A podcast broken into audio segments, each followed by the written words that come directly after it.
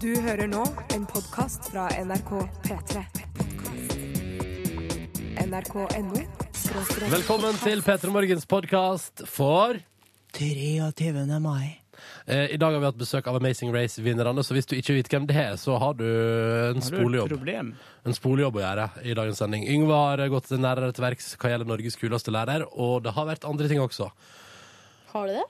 Er det det? Noen få Det har vært en Noen del andre ting. ting. Det har vært masse! masse!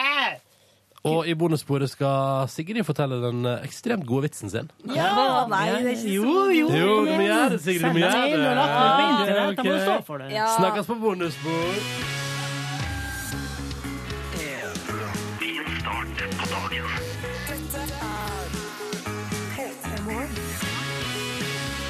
Tjoho og tjohei og god Det der, det ble noe. Er det Pippi Langstrømpe? Tjulahap, tjulahei. Det ble litt i overkant til og med for meg. Det der beklager jeg. Er Skal, det, jeg er det en sånn dag i dag, Ronny? tydeligvis. Tjohei! Hei på dukker! Hvor det går. Dette er P3 Morgen, som altså er i gang med en helt rykende fersk torsdag den 23. mai. Jeg heter Ronny. Han Yngve Hustad Reite sitter her og er klar for en ny dag. um, Tjohei! Og Stille Nordnes, hva ville du sagt da? Titt, titt. Titt, titt. Du ville ikke sagt en ho-ho, Asbjørnsen. Hæ? Ho-ho, Mo. Har du ikke hørt den Asbjørnsen og Mo som var ute i skogen? Nei, Nei. Nei, men, husk, nei den, men jeg tenkte, begynte med punchen, jeg. jeg tenkte rett i retning av hun Husker dere mammaen til Nils imot i brøstet? Hva var det hun sa? Og er til Ella. Ja. Ja, nei, hun var jo Det var, da hun fikk smake på sherry, det. Ja, ja, hun ja, da ble hun sånn fryktelig fort full. Hadde lyst til å ligge med Henry. Det var, Var det det hun ville? Ja. Jeg vet Men- ikke om de der eh, gamle mot i brøstet-referansene er noe vi skal dvele så lenge ved. som drog den Ja, fram. unnskyld, men kan jeg bare si at eh, som barn så jeg på Mot i brøstet, og jeg innser at det var så mye som gikk med hus forbi. For eksempel at Elna alltid var drita, og en ganske sånn fæl eh, mor. Nei, Hun var ikke alltid drita. Hun blei fort drita Ja, når ja. hun blei presentert for denne hun li sherryen. og så ville Og så ligge ville med Henry. hun pule med Henry. Men det var ganske mye ligging, fordi Carl og hun der eh, Målfrid. Målfrid de Ja. drev nå og gikk opp på rommet stadig vekk. Ja. Målfrid, hvem var det igjen? Hun som spiller altså Dama til Siv Anita-skjønn eller noe Ja! sånt. Hun er med i alt Siv Anita mulig nå. Andersen eller noe sånt. Å, ja. Er det det? Ikke det? Jo, noe sånt. Det, Nå tenkte jeg på Gro Anita Skjønn, er jo som sang eh, Ja. España Spania i sin tid. Viva Spania! Nei, det der var eh, det var Viva Las Vegas. Oh, ja. Sånn Eviva Spania. Ja, den, den låta har jeg kun et forhold til fordi du, Yngve Jeg tror det var første sommeren vi eh, hadde P3 Morgen, så skrev du en Ha det bra-sang før sommerferien. Ja. Eh, den eh, Og jeg husker blant annet at du lirte inn setninga 'skal fiske fiste'. Altså, og så skal vi si det så fort at folk ikke fikk med seg Ja. at det var ganske grovt. Fiske, fiste, hygge er så mangt. eh, jeg prøvde å finne igjen den sangen. Den ligger på internett. Jeg hørte den Ja, men jeg prøvde Hæ, jeg fant den ikke. for bare et par måneder siden. jeg hørte jeg den på internett. Den skal vi få et gjenhør med. det, eh, ja. Jeg veit det. Den skal vi få et gjenhør med, tror du med? Men blir det nyinnspilling, altså en coverlåt på en måte av Nei, den altså, gamle? den står så godt, eh, den sånn som man gjør. Jeg tror vi skal poste den på Face igjen i dag. jeg. Jeg Hvis skal, du vi, finner skal, på vi skal tenke på det. Vi skal tenke på det. I, Mm. I skal det. Jeg har fått meg kaffe. Jeg er klar for en ny dag. Jeg, altså dere. Så derfor skal vi være her og snurre i gang nye dagen sammen med deg fram til ni på NRK P3 og håpe at du blir med på vår radioreise de neste tre timene. Jeg er liksom klar. Tjo Jeg hei! gir deg tjo hei, tjo ho! Her er Manic Street Preachers. If you tolerate this, your children will be next. Du hører på.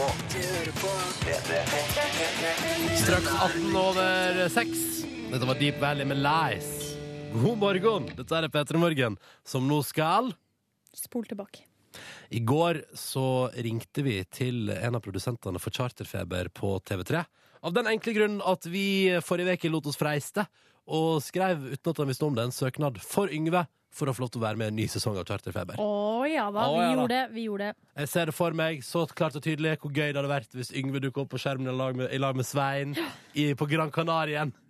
Og vi sendte jo selvfølgelig den søknaden inn eller eh, på tv3.no, der man kan melde seg på eh, charterfeber. Og, eh, og så måtte vi jo høre, da. Eller vi måtte jo finne ut hvordan det her gikk videre.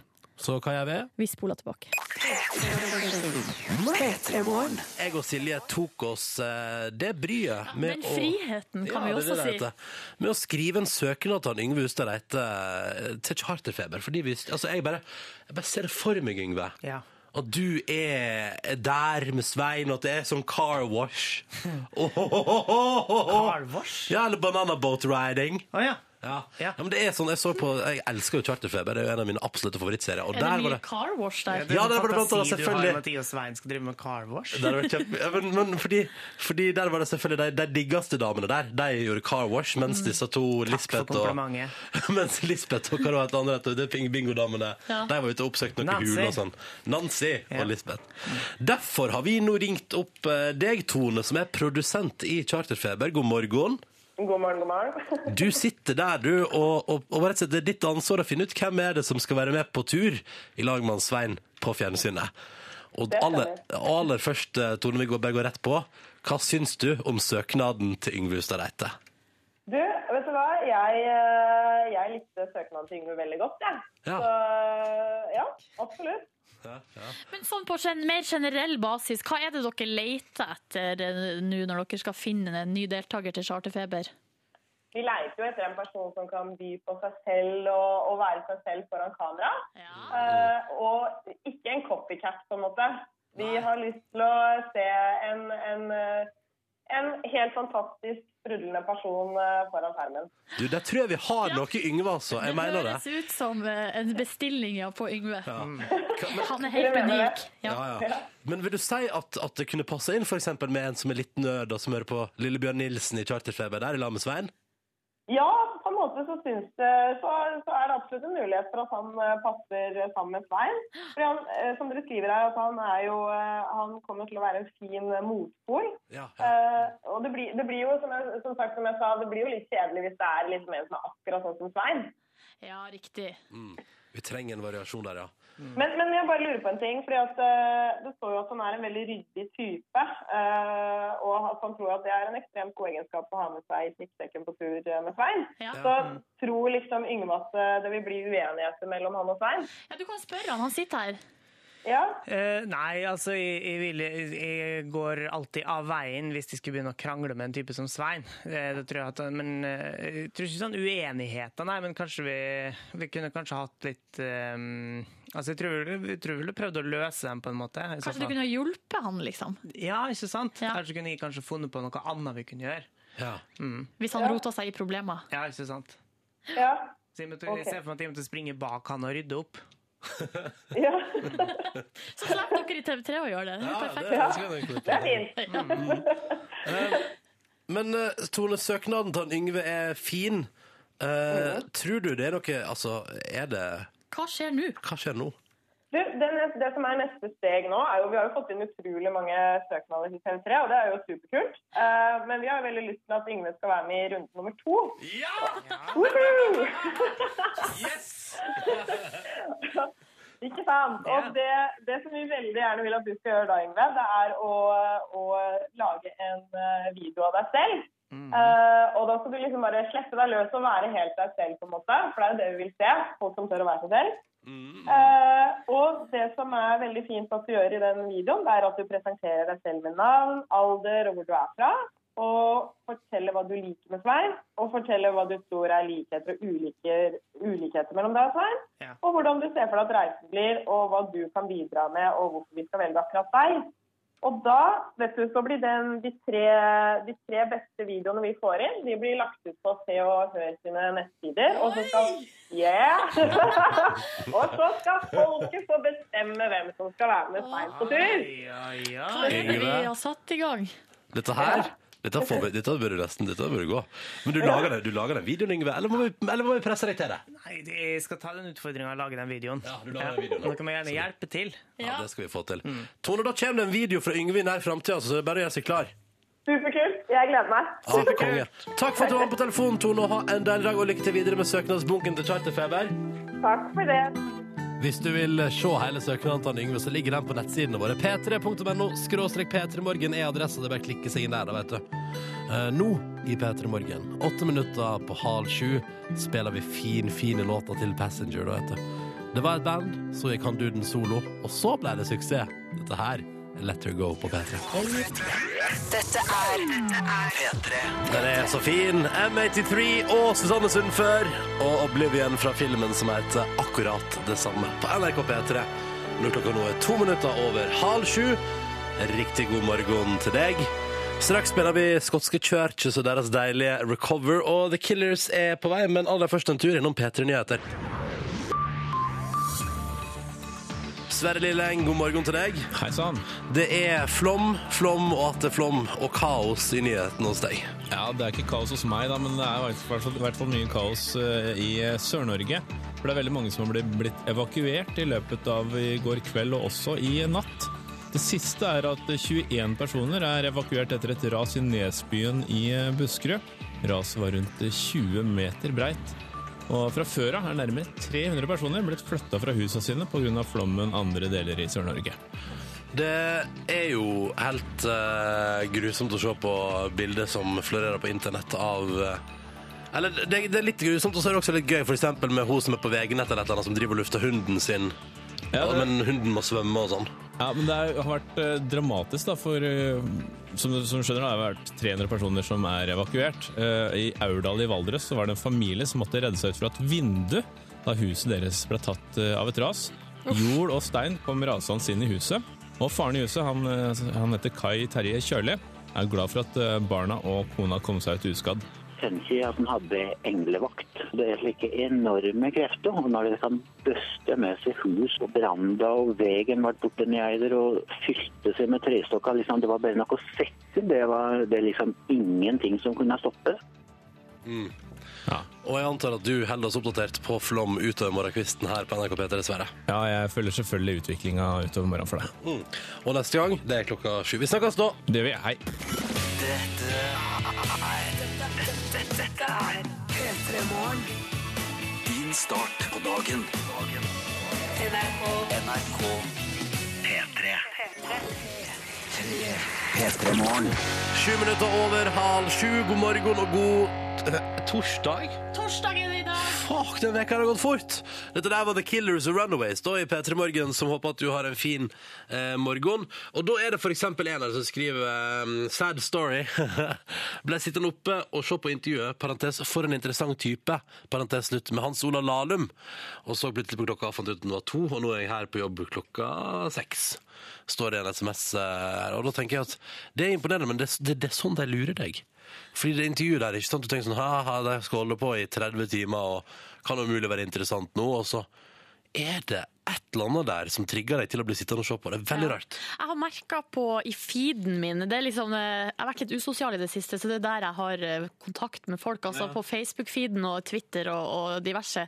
Og der virker det som at folk eh, har på en måte gått på. Jeg vil ikke kalle det limpinnen, men folk blir, jeg har sittet oppe i natt og sett på det intervjuet. uh, uh, ja. ja. Sjøl var jeg innom en urliten time i går. Da var det ikke verdens lengste intervju, da var det verdens lengste monolog som foregikk akkurat da. Ja, han eh, som stiller spørsmålet får ikke spurt så mye når Hans Ola det med i gang. Nei. Akkurat nå er de midt i, nå har de 20 minutter igjen av, i hvert fall ifølge timeplanen, eh, praten om sjakk. Hva er det for noe, og hvordan spiller du det? Ja, skal, vi, skal vi høre innom en tur og se hvor det går med deg? Hvor lenge er det det foregår, da? Ja, det er ut 80-tallet, da. Men ganske, det er vel, skal vi se, hvor mange matcher er det, da? Hvis du regner med den første matchen, så er det vel fire matcher mellom de. Eh, så skjer det noe. Fordi så sitter Kasparov som Jeg kunne jo ikke fulgt med på dette, for jeg trenger jo egentlig å lære meg sjakk, føler jeg. Jeg Ja. kan det jo ikke. Men det så jeg òg at det var noen som hadde skrevet på Twitter eh, som forslag til de folkene i VG om ikke de kunne legge ut hele greia som podkast. ja, så da man kan sitte og høre på 30 timer da med skravling. De har uh, 9 timer og 48 minutter igjen nå, ser jeg på Mm. timeren her. Det, er- det er litt for mye, altså. Ja, det er mye, i hvert fall når de har allerede har, når de har holdt på i 20 timer. Jeg syns de har fått på sånn pysjamasaktige plagg her. Ja. at det liksom har gått inn i nattmodus. Og nå er det straks morgen igjen, og bare ti timer igjen. Lykke til til dere, da. Det, det ser ut som det går bra der. Det ser litt trøtt ut. De kommer til å klare det. Det, ja, selvfølgelig. Ja. Ja, men det er jo hele poenget. Ja. Uh, P3 til 1987 hvis du har lyst til å si god morgen til oss. Det er alltid stas å høre fra deg som lytter til P3 Morgen. Uh, hvor er du, hvem er du, og hva gjør du på akkurat nå? Sånn som alltid er greit å vite om deg som er der ute og som velger å dele morgenen med oss. Eller du kan gå inn på Facebook-sida vår og kommentere der. Det er, vi, vi leser jo den hele tida. Altså hvis, hvis du skal være sikker på å nå oss, så er det Facebook-siden. Altså den leser vi på hele tida. Uh, og den finner du hvis du bare søker på P3 Morgen. Så kan du sende e-post. Ja, p3morgen.nrk.no. Og tror du ikke vi er på Twitter òg? Det er sant. Der er, heter vi også P3 Morgen. Så det er ganske enkelt å manøvrere seg rundt i det interaktive landskap. Altså, Det skulle ikke være noe problem å få kontakt med oss hvis du vil. da. Nei. Nå, deilig musikk fra Skottland og Churches. Dette her er Record. Robin og 'Dancing on my own' på NRK P3 P3 Morgen 12 på 7. Og så har vi fått denne meldinga til kodord P3 nummer 19, 1987. Møtte Robin på en dagligvarebutikk i sommer i Sverige.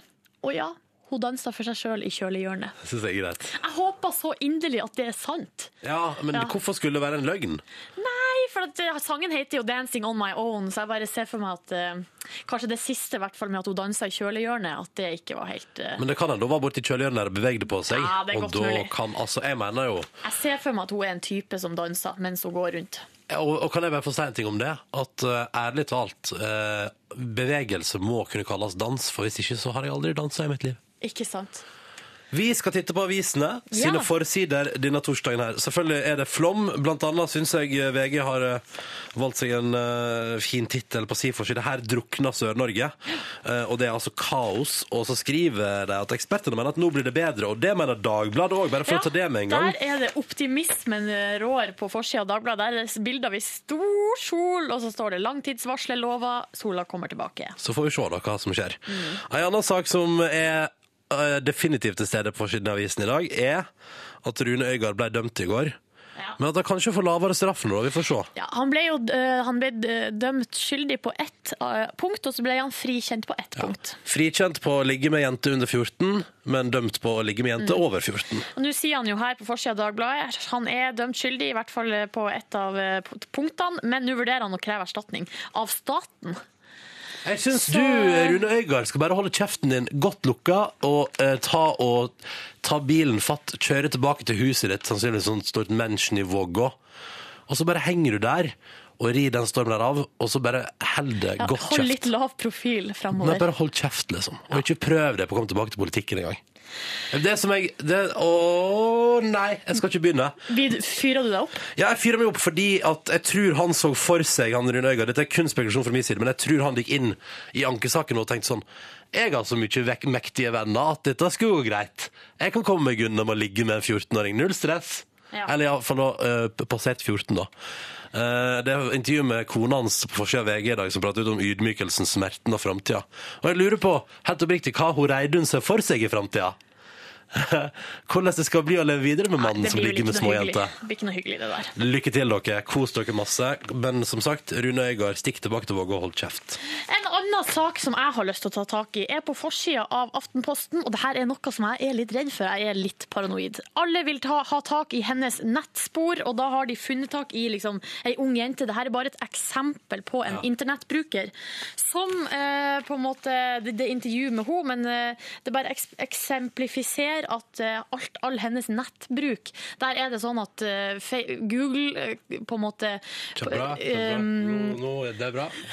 Tekno, teknoprat ved Silje Nordnes. Nei, at vi blir overvåka. Vi blir overvåka. Alt vi søker på, alt vi bruker, alle nettsidene vi er inne på, blir på en måte registrert. Og så settes det sammen en profil på alle brukerne, og da eh, bruker de det som utgangspunkt til hvilken reklame man skal få servert på f.eks. Facebook.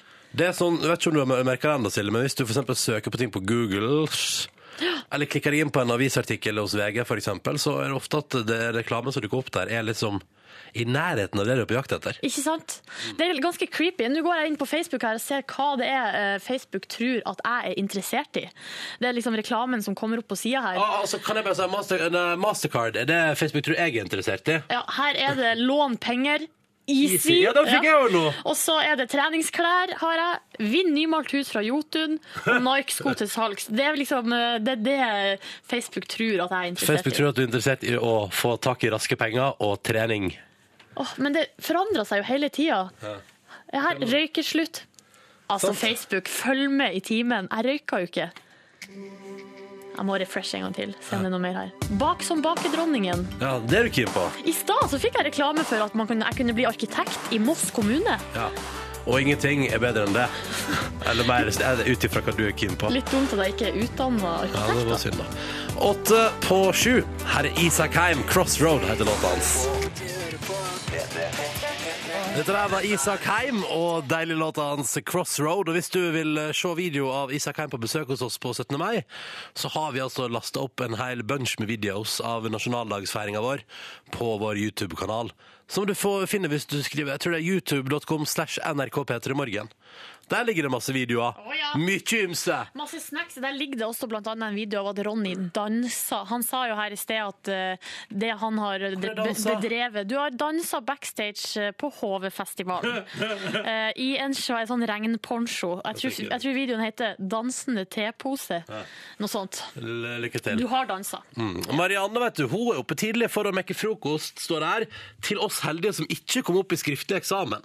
Så snart kommer det sju andre elever som er sultne, og en lærer på døra hennes. Skal jeg tenke når jeg leser denne meldinga der fra Marianne, hvorfor kan ikke de sju som ikke har kommet opp i eksamen, mekke frokost til de som har kommet opp til eksamen? Ja, men De som har kommet opp i eksamen, må sitte og lese, ikke sant? mens resten av kan bare chille og spise frokost og dra ja. seg lenge og bare heo. Det er viktig og med godt grunnlag før man skal ha eksamen. Mm. Ja. Eh, og så har vi fått oppklaring fra vedkommende som sendte melding i stad og sa at vedkommende møtte Robin på en dagligvarebutikk i Sverige i sommer, og du var redd for at det bare var en løgn. Nei, det står 'møtte Robin på en dagligvarebutikk i sommer', og det, altså, ja, eller, det er, mm, det er sant, det da. Eh, Men han skriver, eller hun, det var en liten løgn eh, av det at hun sto og dansa, men hun hadde på seg en sølvjoggedress, og ja, hun var en tur i kjølehjørnet. Så om hun dansa eller ikke, det er vel det som var Og så prater vi om flom, og har fått eh, som respons på det en nydelig, vakker eh, blå himmel utenfor soverommet i Narvik for en lytter. Så ja da, det er fint vær sommerplasser, men så er det også sommerplasser Norge holder på å drukne. Enkelt og greit. Straks nyheter på NRK P3 der du får høre mer om flom og kaos i Sør-Norge, men først Bruno Mars. Klokka er to minutter på sju, og dette her er låta som heter 'Locked Out of Heaven' på P3. Biffy Clyro og låta som heter Biblical og i serien av eh, lyttere som har møtt eh, band. SMS har vi nå fått denne her. Møtte Biffy Clyro på ei brettspillmesse i Glasgow i februar. da vi spilte Stigespillet. Spurte han på kul engelsk Baby, if you could, would you go back to the start? Nei, sa jeg. Jeg vil vinne. Det der, Det det, burde være sant, hvis ikke så klikka det for meg. Ja, ok, greit. Din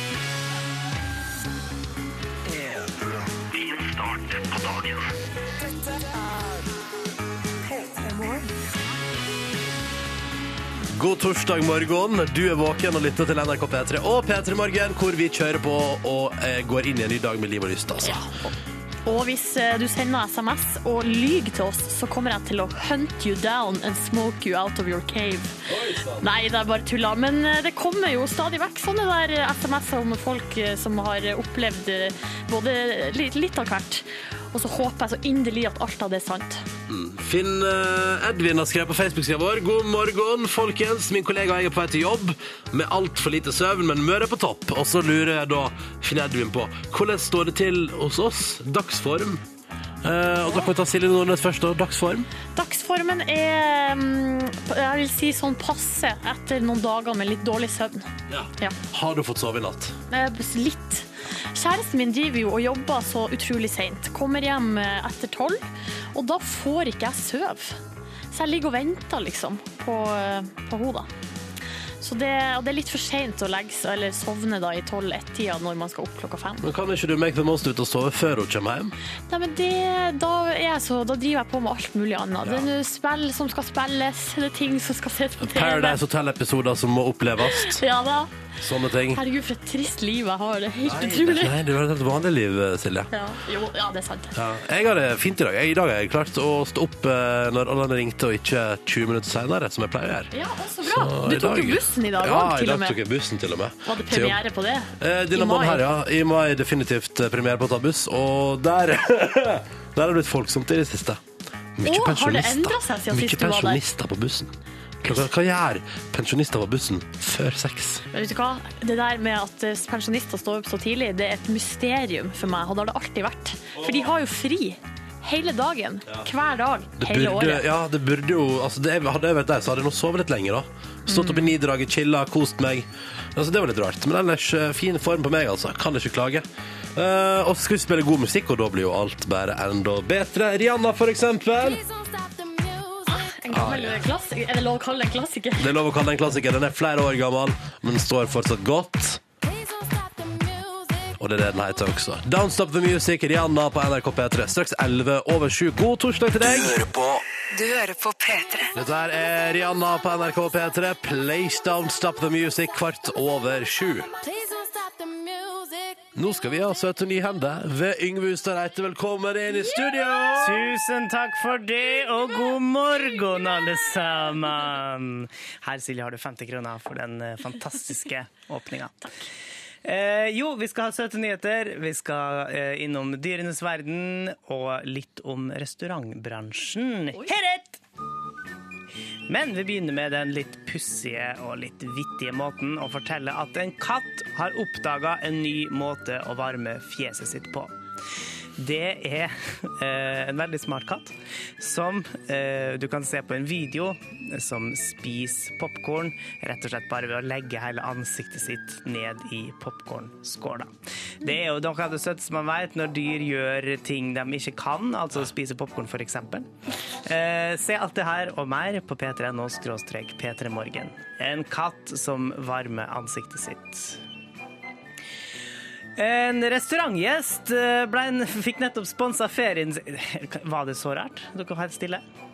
Jeg bare skjønte ikke at han varma ansiktet. For meg så hørtes det ut som han spiste Han gjør det, men det Ja. ser litt morsomt ut når han legger ansiktet sitt ned i popkornet på den han med popkornet på et Ja, akkurat det. Og så Ja. spiser han bare ett, kanskje hvert femte sekund. Jeg skjønner. Vi bare, sitter, vi, vi bare prøver å se det for oss. Det er derfor vi er så stille. Godt, godt.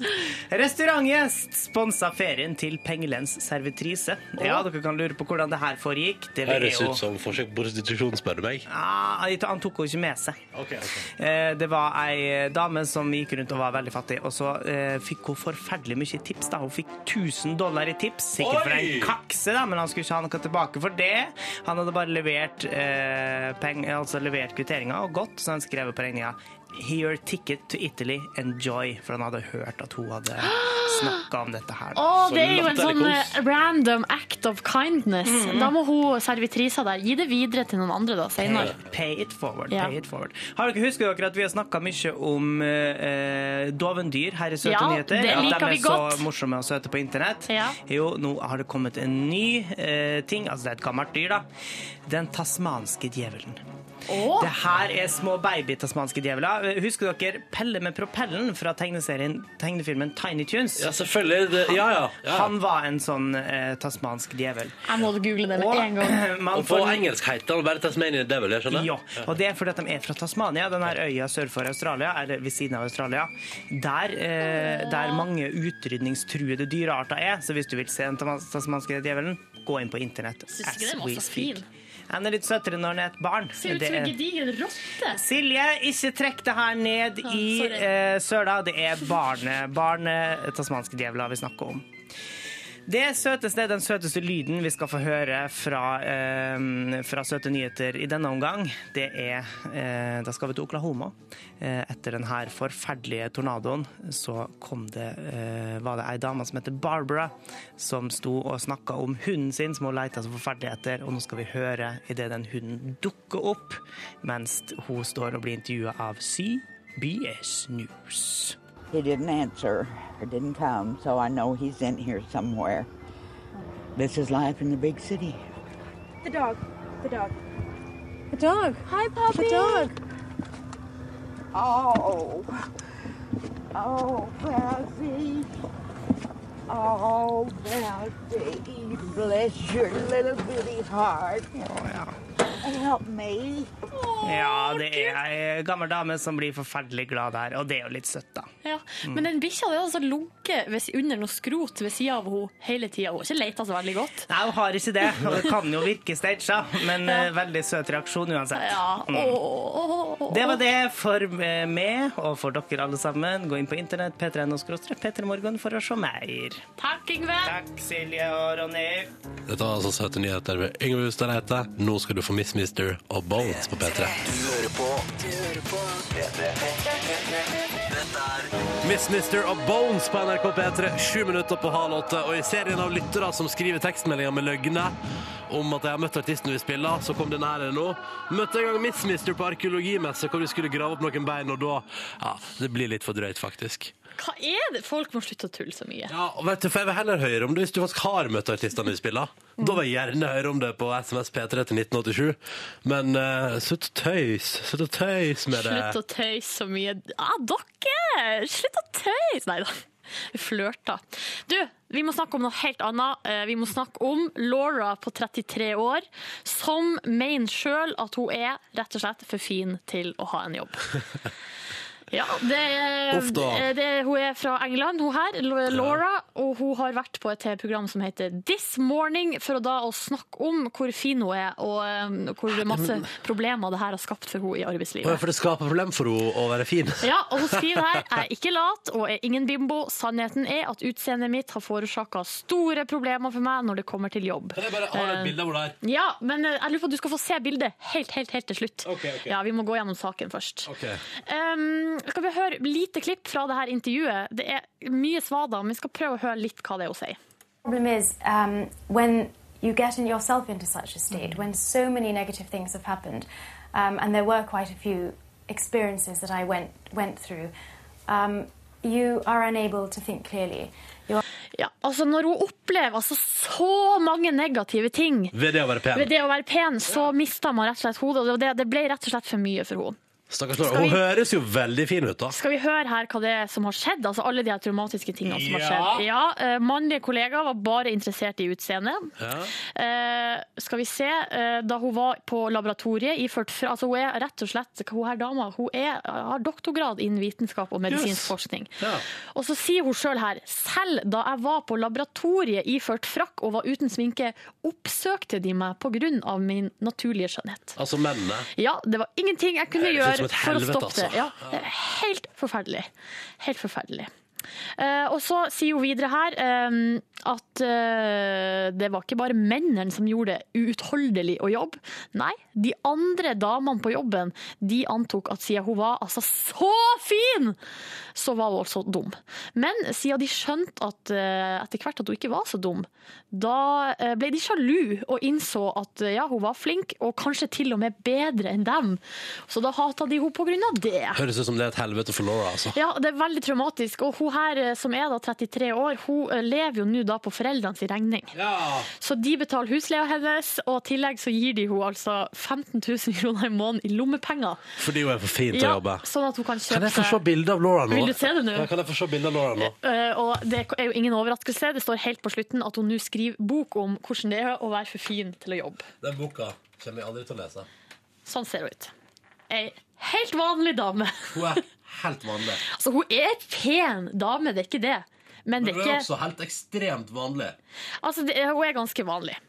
Jeg kan si her på NRK i hvert fall ti stykker som er finere enn hun her. Hvem, for eksempel? Li, liv, Livet er fin. Livet Livet- Nelvik er fin. Hun, eh, hva heter hun i, i hun, eh, Fader, hun som tok nakenbildet nakenbilde på dass. Uh, Husker du hva heter? Hun i, eh, det er hun i, i um, Kulturstripa på Stemmer. NRK2. heter hun? Heter Anne Rimmen. Mm, Ja, Anne Rimmen er fin, ja. Ja. Flere? Jeg fader, men jeg blir så stressa av den introen! Jeg må, um, Ingrid Stenvold. Ja, ja. Jeg gleder meg til en av dem skal gi ut bok om hvor, at de må slutte i jobben sin fordi de er for fine. Ja. Blir trakassert. Dette er Dette der var Muse med Supremacy på NRK P3, åtte minutter over halv åtte. God morgen og god torsdag. Har vi lyttere der ute som er ramma av flommen? Står du fast på veien en plass? Send oss et eh, bilde eller en tekstmelding av det. P3 til 1987. Vi bare sjekke om det er noen der ute som er, som er hardt ramma. Um, fordi Foreløpig er innboksen vår bare full av folk som er ramma av andre ting. For eksempel, her har vi fått melding fra en lytter som var den ene av ti som ble tatt opp til eksamen. Engelskeksamen i dag. Smell og resten av klassen chiller, spiser is og koser seg, mens du eh, skal opp engelskeksamen. og Det høres helt jævlig ut. Og så er det Atle da, som har skriftlig eksamen i dag og gruer seg veldig til det. Og lurer på om vi kan ønske lykke til. Lykke til, eh, Atle. Dette kommer til å ordne seg. Ja, vi ønsker lykke til eh, til alle som skal ha eksamen i dag. På alle mulige måter. Det uh, stiller jeg meg bak. Og så er det en som skriver sånn uh, jeg skal se, det var meldingen om at det var sol i Bergen. Skal vi se mm, Hvor er den, da? Her. Solen skinner i Bergen, og vi godter oss over disse østlendingene som ikke takler litt regn og smelter vann. Men man kan ikke godte seg når det er katastrofe og folk mister husene sine. Nå må man ta en liten eh, Ta det litt piano. Hører du. Espen? Ja. Det, jeg, du kan godte deg hvis, uh, Du hvis godte deg over folk i Oslo, men over de som sitter oppe i Kvam der oppe i dalene og mister husene sine, de kan man ikke godte seg over. Nei, det syns ikke jeg heller. Men uh, sånn generelt, altså man kan, kan godte seg når trafikken står pga. snøvær. Det kan man godte seg over. Ja. Eh, Men når, ja, når veier er stengt og folk står midt imellom der på E6-en og vet ikke hvor de skal gjøre av seg, da er det ikke morsomt lenger. på Nei, et eller annet det, vis. det er ikke det. Du, eh, litt flom og værsnakk til side. Vi skal straks så skal du, Ronny, få en ny utfordring i Ronnys lavterskel livsstilsendring. Og jeg gleder meg veldig. Er du spent? Jeg er veldig spent. Vil du gi et, et hint? Å, det er så vanskelig. Et eller annet som Et eller annet, et eller annet om hva det er som kommer? Skal jeg si ett ord? Ja. Adecco. Ja, Det forstår jeg ingenting av. Nei, ikke sant? Nei, nei, OK. Men eh, snart, altså. Ny utfordring. Først Keisers Orkester på P3. Dette er Ompa til du dør. En god gammel en. Setter Jeg har sett eh, gjennombruddslåta til Keisers på NRK P3. Ti minutter over halv åtte. Riktig god morgen. Vil du si hei til oss, så er kodeordet P3 og nummeret 1987 på SMS. Hører på Du hører på P3. Topplåt på NRK P3. Ghost Beach. Og låta som heter Close Enough når klokka nå er ti minutter på åtte. God torsdag. Klar, Ronny? Er du klar? Klar. Klar, ferdig, gå! Ronnys lavterskel livsstilsendring. Og Det er torsdag, og det er klart for en ny utfordring til deg, Ronster. Ja, OK. Er du ready? Jeg veit det ikke. Shall we bare take it away? Yngve? Ja, eh, Ronny Brede Aase, du skal på fotballtrening. Med Stabæk! Bli litt glad, Bli litt glad, Ronny! Jeg skal være med deg. Jeg har kjøpt meg fotballstrømper. Vi skal rett og slett sette det sammen med ja, er det elitelaget, De A-laget til i- Stabæk. Ja, spiller i Adecco-ligaen. Det var derfor jeg sa, hadde et lite hint i stad, som var Adecco. Det skjønte ikke du, Nei. Ronny. Adecco det er samme som førstedivisjon, da. At jeg skal hva for noe? Du skal på, På fotballtrening! Du skal få lov til å være med eh, Stabæks A-lag på eh, en trening, altså treningsøkt, eh, der du skal være med å varme opp, sikkert springe litt i sikksakk. Eh, du må passe på å ha litt, sånn, litt stiv rygg. Du må vise at du er litt stiv, for det er ofte sånn litt sånn proff, eh, semiproffe fotballspillere gjør. Det skal være litt sånn tøft. Jogge med små, med armene litt sånn opp under Men haka. jeg tror det skal bli veldig hyggelig, Ronny. Jeg tror de er snille på, i Stabæk, altså. Jeg tror ikke Jeg tror de er et litt sånn tøffere lag eh, som eh, krever litt av det, Ronny. Ha, lol. LOL, altså LOL på ordentlig, laughing out loud. Du kan kanskje, bruke LOL som et sukk. Ronny, det blir artig. Jeg skal være med. Blir ikke det morsomt, Ronny? Prøv noe nytt. Har du spilt fotball før? Har du spilt fotball før? Nei. Jeg har aldri spilt fotball, eh, altså bortsett fra da jeg var med, hadde et eget lag på gatecupen i Molde. Ehm, så jeg kunne jo godt tenkt meg å gjøre dette der, men det er ikke sånn at jeg har en lavterskelutfordring. Men hvis det blir sånn to og to, og man skal sentre til hverandre, så kan jeg og du være på lag, Ronny. Ikke sant? Jeg, vi skal, vi, Han må være på lag med en proff. Silje, du er flink. ja, men, men hvis Ronny skal lære noe dere kan, hjelpe til. dere kan prøve litt før dere drar dit. Ja, det kan vi gjøre. Øve oss litt. Ja, dette blir gøy. Husk på, det er veldig lav terskel. Det skal selvfølgelig filmes og Ja, det alt skal det, mulig. selvfølgelig. Ja, ja, ja, selvfølgelig. Det blir ikke så lav terskel, da. Det blir litt, eh, det blir litt push der, eh, Ronny. Ja, Ja, men det er bra, det. det er greit. Tar du utfordringa? Ja, jeg vil det. Bra! Jeg må vel det. Har vel ikke noe valg når det blir presentert på Riksdekkende radio? Nei, du har ikke det, faktisk. Vi har gjort en avtale, så den må vi holde. Ja, ok, greit. Vi blir skuffa hvis det bare er jeg som kommer. Du må øve litt sånn grovisvitser og sånn, så du kan ta i dusjen etterpå. Ja, ja. ja, det blir gøy. Fotballtrening med Stabæk. Det høres eh, utfordrende ut. Dette er P3. P3. Røyksopp og Susanne Sundfør på NRK P3 og Running to the Sea fire minutter på åtte. Du har nettopp fått utfordring, Ronny. Du skal på fotballtrening. Det er i din eh, lavterskel livsstilsendring. Så skal du på fotballtrening med Stabæk eh, i neste uke. Det skal selvfølgelig filmes og dokumenteres på alle vis. Så er det en som skriver på SMS her. Ronny! Fikk du med deg Norges rikeste land i går? Du mener verdens rikeste land? Ja, men eh, jeg leser opp SMS-en sånn som den står. ja, men selvfølgelig verdens rikeste land her på P3. Eh, Der snakka de om at nesten alle fotballspillere pisser hverandre i dusjen. De pisser på hverandre. Ja, men Så da vet du, Det er derfor vi har laga denne avtalen for deg. fordi at jeg skal bli pissa på i dusjen, Nei, jeg bare tulla med det Det kommer aldri til å foregå eh, noe pissing i dusjen. Jeg bare nærheten med meg. Men det er mange som gleder seg veldig til du skal på fotballtrening. Ja, jeg òg gleder meg skikkelig til det. Nei da, nå kødda! Vi tar med oss en fin låt til vi før en nyhetsoppdatering om flom og greier. Active Child. Dette er P3. Active Child på NRK P3 og låta som heter Evening Ceremonies. Fantastisk deilig låt på NRK P3. Ett minutt over åtte.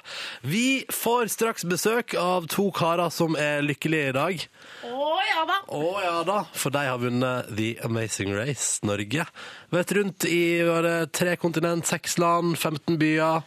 Sprunget rundt der, og, omgjøre, og det er om å gjøre å komme først gjennom et slags gigantisk rebusløp. Ja, det er, det, det er The Amazing Race. Mm. Eh, Men hvis det er noen her som ikke har sett finalen, så må de skru av. Fordi nå, eh, mot all formodning, ikke skulle ha sett det ennå. For det gikk jo på TV i går kveld. Mm. Eh, Fordi nå kommer vinnerne til oss. Og vi har selvfølgelig en morgenhelsing vi kan høre på. God morgen, P3. Det er Bilal, vinneren av Amazing Race 2013. Jeg og Omar kommer på rett etter klokken åtte for å snakke om reise. Stay tuned. Gjør det. Stay tuned. Omar og Bilal er straks på besøk hos oss her i P3 Morgen. Og vi må blant annet prate med dem om at de krangler så latterlig mye i The Amazing Race. Kan du høre et klipp her? Kjører vi i riktig retning, Bilal? Ja. I forhold til kompass? Ja. Bilal, ikke gi meg den tonen. Jeg prater rolig. Fin tone med deg nå. Oh, yes. Du hører på P3. Daft Punk og Pharrell, dette er Get Lucky på NRK P3. I P3 Morgen straks ni over åtte, og vi sier igjen, hvis du ikke har sett finalen av Amazing Race, så kan du bare skru av den neste halvtimen, fordi eh, vi skal prate med vinnerne nå. Så da vet du det, da er alle advart, ok? Og da kan vi gå til det. Um, Skru av nå, skru av nå. ok. Uh, dette er P3 Morgen med Ronny og Silje, som altså har fått besøk av vinnerne av Amazing Race, Omar og Bilal. Gratulerer! Takk skal du ha. Fy fader, karer. Eh, dere har altså rei... Det er tre kontinent, er det seks land, 15 byer, 12 etapper. Og dere var de som altså til slutt kom først fram til det endelige målet. Ja! For en fantastisk reise, altså. Men, men hvordan har det Bilal, hvordan har det vært?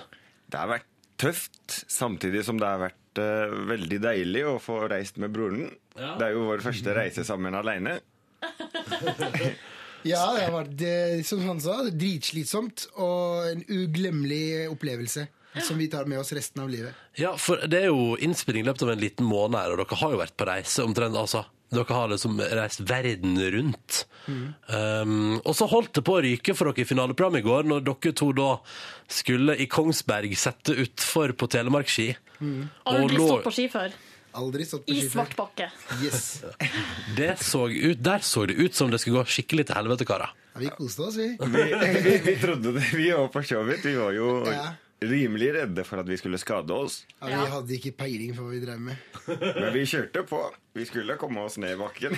ja, vi var innstilt på at ingenting, absolutt ingenting skulle stoppe oss, hva det måtte være. Så Ja, det kom fordi- det ski, så måtte vi over det bare. Ja, for her er det jo sånn at dere, ja, dere har reist gjennom 15 byer, så er det utfordringer hele veien, og om å gjøre å, å fullføre først, og komme først fram til på en måte pitstop. Og dere to har jo vært eh, ligget i tet hele veien, og så kommer dere til finale, og så er det en svart bakke og, og telemarkski som kanskje kunne felle dere. Men dere klarte pinne meg det òg. Ustoppelig. Ja, ustoppelig. Yes. Men har dere, har dere følt dere ustoppelige på turen? Ja, vi har eh, følt at vi har dominert. Ja, vi har jo hatt eh, ledelsen så å si hele veien. Så ja.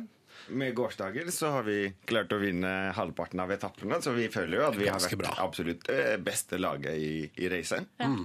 Og så I går var dere i all hemmelighet og plukka dere ut bil, og du hadde bursdag, Bilal. Det må ha vært en grei bursdagsfeiring med vin, å vinne Amazing Race og den halve millionen og bilen og hele Det var pakka. Det var den beste bursdagsgaven jeg kunne ha fått. Men så fortalte dere at dere satt i går, og dere har ikke engang fortalt til eldstebror og pappa at dere vant. Så de satt og så på i går, og Omar de holdt på å gi opp å se på. Ja, far ble veldig lei seg eh, når, vi, når han så at vi sto på ski, og at han, han mente at vi tapte alt der. Han gikk ut i balkongen og var så grinete.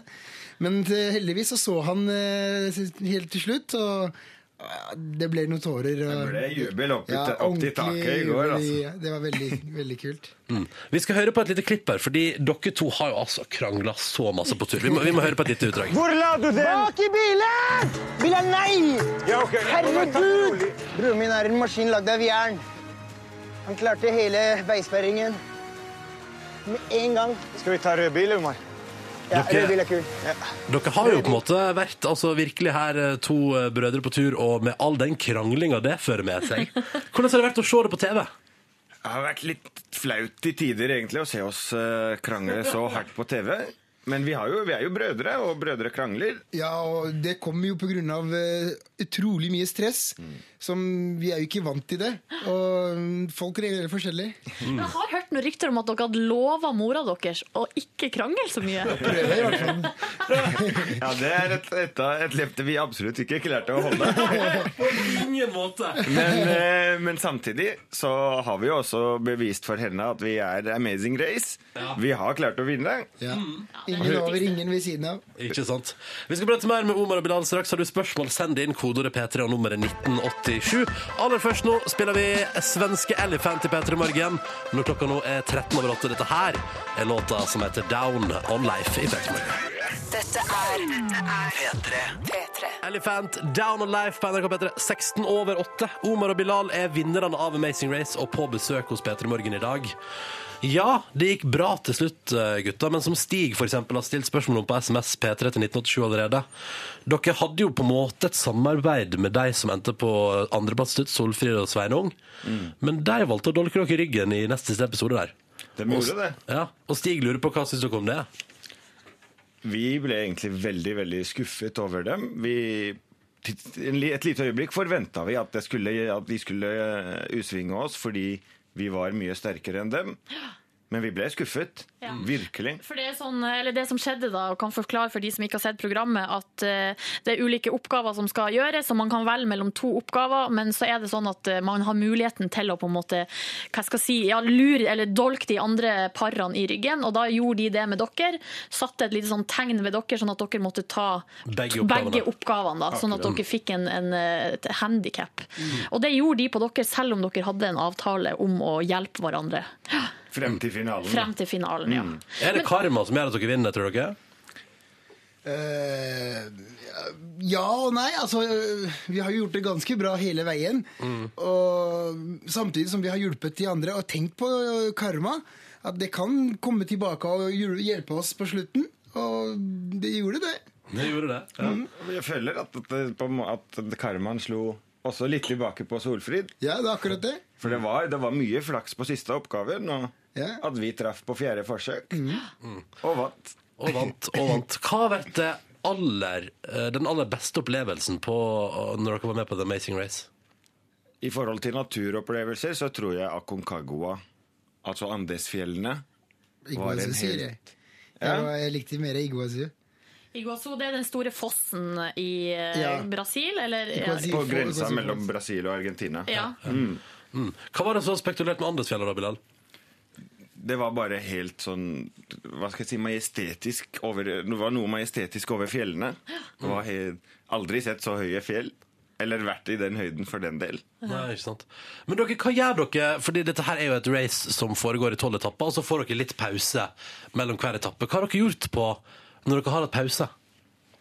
Der har det vært eh, litt kjedelig, faktisk. Vi har jo nesten vært låst på romma på hotellene. Ja. Eh, vi har jo hatt noen få frie dager som vi har fått lov å gå rundt med, med vår eh, guide, holdt jeg på å si. Reiseleder. I reiseleder, ja. Men ellers så har vi nesten vært låst på romma. Så det har vært, vi har ikke vært turister, for å si det sånn. Nei, dere har ikke det, nei. Nei. Eh, Men har dere, har dere liksom uh, sittet liksom og tatt en øl på kvelden med resten av deltakerne, eller har dere holdt dere for dere sjøl? Vi, alle dagene vi, så spiste vi middag sammen, alle deltakerne. Vi hadde det veldig koselig på vår fritid. Og, var, og nesten, nesten hver kveld var vi samlet. Mm. Så vi hadde det veldig koselig med de andre. Konkurranse, konkurranse og fritid er fritid. Ja, ok, Så dere klarte å la være å krangle med de andre når dere hadde fri? liksom? Ja, vi var kjempegode venner, alle sammen. Ja, ja. Hvem kom dere best overens med, da? Av de andre para? Lille og Stian kom Eva og vi- og Eva og Wenche. Og faktisk Solfrid og Sveinung. Solfrid og Sveinung. Vi er jo fortsatt glade i dem. Ja, men har dere tilgitt dem nå? For ja, ja, ja, Ja. Altså, Med en gang vi kom til pitstoppet i Rio, så vi kværa opp, og vi var ferdig med det der og da. Men eh, der ble det jo sagt at, eh, at dere, Det ble sagt da de på en måte gjorde det mot dere, så ble det sagt eh, de hadde kommet til å gjort det samme. Nei, det skulle, vi, skulle vi aldri ha gjort. Aldri gjort. Nei. Aldri, aldri. Um, Omar og Bilal, straks skal dere få lov til å svare på litt spørsmål fra lytterne våre. Og hvis du som hører på vil stille spørsmål du også, P3 til 1987 på SMS, så tar vi en runde på det, pluss vår spørsmålsrulett etter Allo Black. Ti på halen i dette I Need a Dollar. Allo Black på NRK P3, seks på halv ni. Dette er I Need a Dollar. God morgen, god morgen. Vi har besøk av Omar og Bilal, som altså i går stakk av med seieren i uh, serien The Amazing Race. Og for deg som ikke har sett på, dette er jo en av mine favorittserier, vet du. Det er eh, tolv etapper som skal gjennomføres. Et slags rebusløp rundt omkring i verden. Og når dere da endte opp i gruvene i Kongsberg i eh, går kveld på TV, så hadde dere vært i eh, seks land, 15 byer, og altså da på tolv etapper. Eh, tre kontinent. Ja. Skylder meg en cola. Ja, ok. Greit. Um, og så klarte dere endelig å liksom dra seieren eh, i havn i går, da. Og vi tenkte vi skulle ta noen spørsmål til dere fra lytterne våre. Fyr løs, Silje. Ja, uh, skal vi se. Husker du Casanovaen, det en som kaller seg for? Gratulerer med seieren, sier han. Uh, hva tror dere gjorde at dere ble valgt ut til å få være med på serien? Omar og Bilal. Mulig at jeg stakk meg litt ut at jeg sa tydelig at jeg har veldig kort lunte. Jeg kan fort eh, Og jeg, jeg overdrev litt òg, da. Ja. Ja, det var noen triks for å få komme oss videre i intervjuet. Veldig sterke personligheter, begge to. Konkurranseinstinkt som er eh, enormt. Ja. Tror dere at det var tilfeldig at den skioppgaven kom på slutten? Eller var det valgt ut for å prøve å sette dere på prøve? Eh, Jeg tror ikke det var satt med vilje bare for å lage faenskap for oss. Men, men vi forventa det, så samtidig som vi grua oss virkelig til det. Men vi forventa at et eller annet med ski må det være. Vi bor i Norge, herregud. Det ligger jo i kortene når det er Amazing Race Norge. Men når, men når eh, visste vi ikke? Nei. Men at de skulle bruke både telemarkski og kjøre sort løype Det var litt ja, Det er jeg ikke helt sikker på hva han var Apropos det, så lurer Øystein på Hei gutta, når skal dere på stå på ski neste gang? Ikke med det første, altså. Jeg har, jeg har planer om å kanskje begynne å lære nå til neste sesongen. da. Ja, ja. Og få på noe ski-action. Men blir det Ja. Telemark, eller velger du noe annet? Jeg blir nok noe nybegynnerski, altså, hvis det er noe som heter det. Det blir barneløypa. Men dere, bortsett fra den skikjøringa i svart løype, hva var det farligste dere har vært med på, tror dere?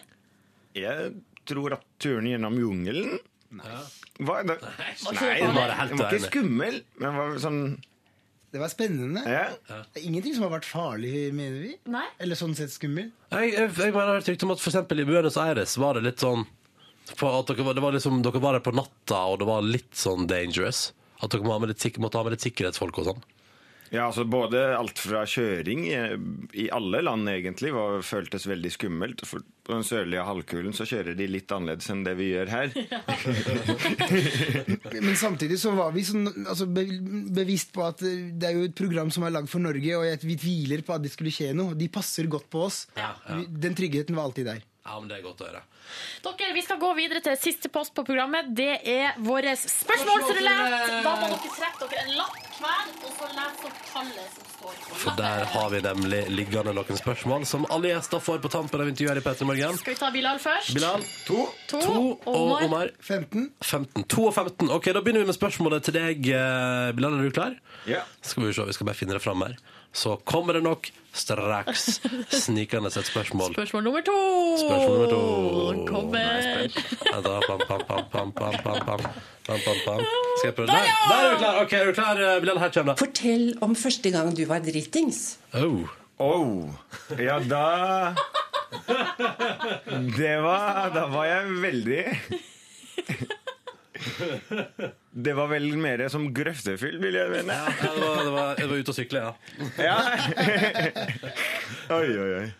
Vil du si når det var, eller vil du holde det tett, kortene tett om brystet? Ja, det er mange år siden nå. 16, tror jeg. Da var det virkelig en tur, altså. Var det i Norge, Jeg klarer, jeg klarer ikke helt å huske den. Jeg, må, jeg må ha vært veldig i grøfta. Husker du, hvem, husker du hvem du var ute med, eller hva det var liksom som var anledninga? Nei. Nei, nei, nei. Omar bare sier sånn Nei, nei, nei! nei. Ikke si Ikke noe! si Jeg går videre til neste spørsmål, da. Her er ditt spørsmål, Omar. Er du klar? Hva var din første jobb? Hva var din første jobb? Det var enkelt, da. Oppvaskhjelp Å ja, hvor hen? på en restaurant i byen, Ja. faktisk. Hvilken restaurant var det? Eh, Pallas Grill, tror jeg den het. Ja. Ja, riktig. På Solling. Måtte ta det første som kom. Ja. Hvor gammel var du? 18, var det ikke? Eh, 19? 20? Ja. Husker du hvordan det var? det- Var det gøy? Nei. Nei, ok. Det var ekstremt stressende, så jeg har hatt bare stressende jobber i starten, i hvert fall. ja. Så, så eh, vi har klart å Jeg har klart det hittil.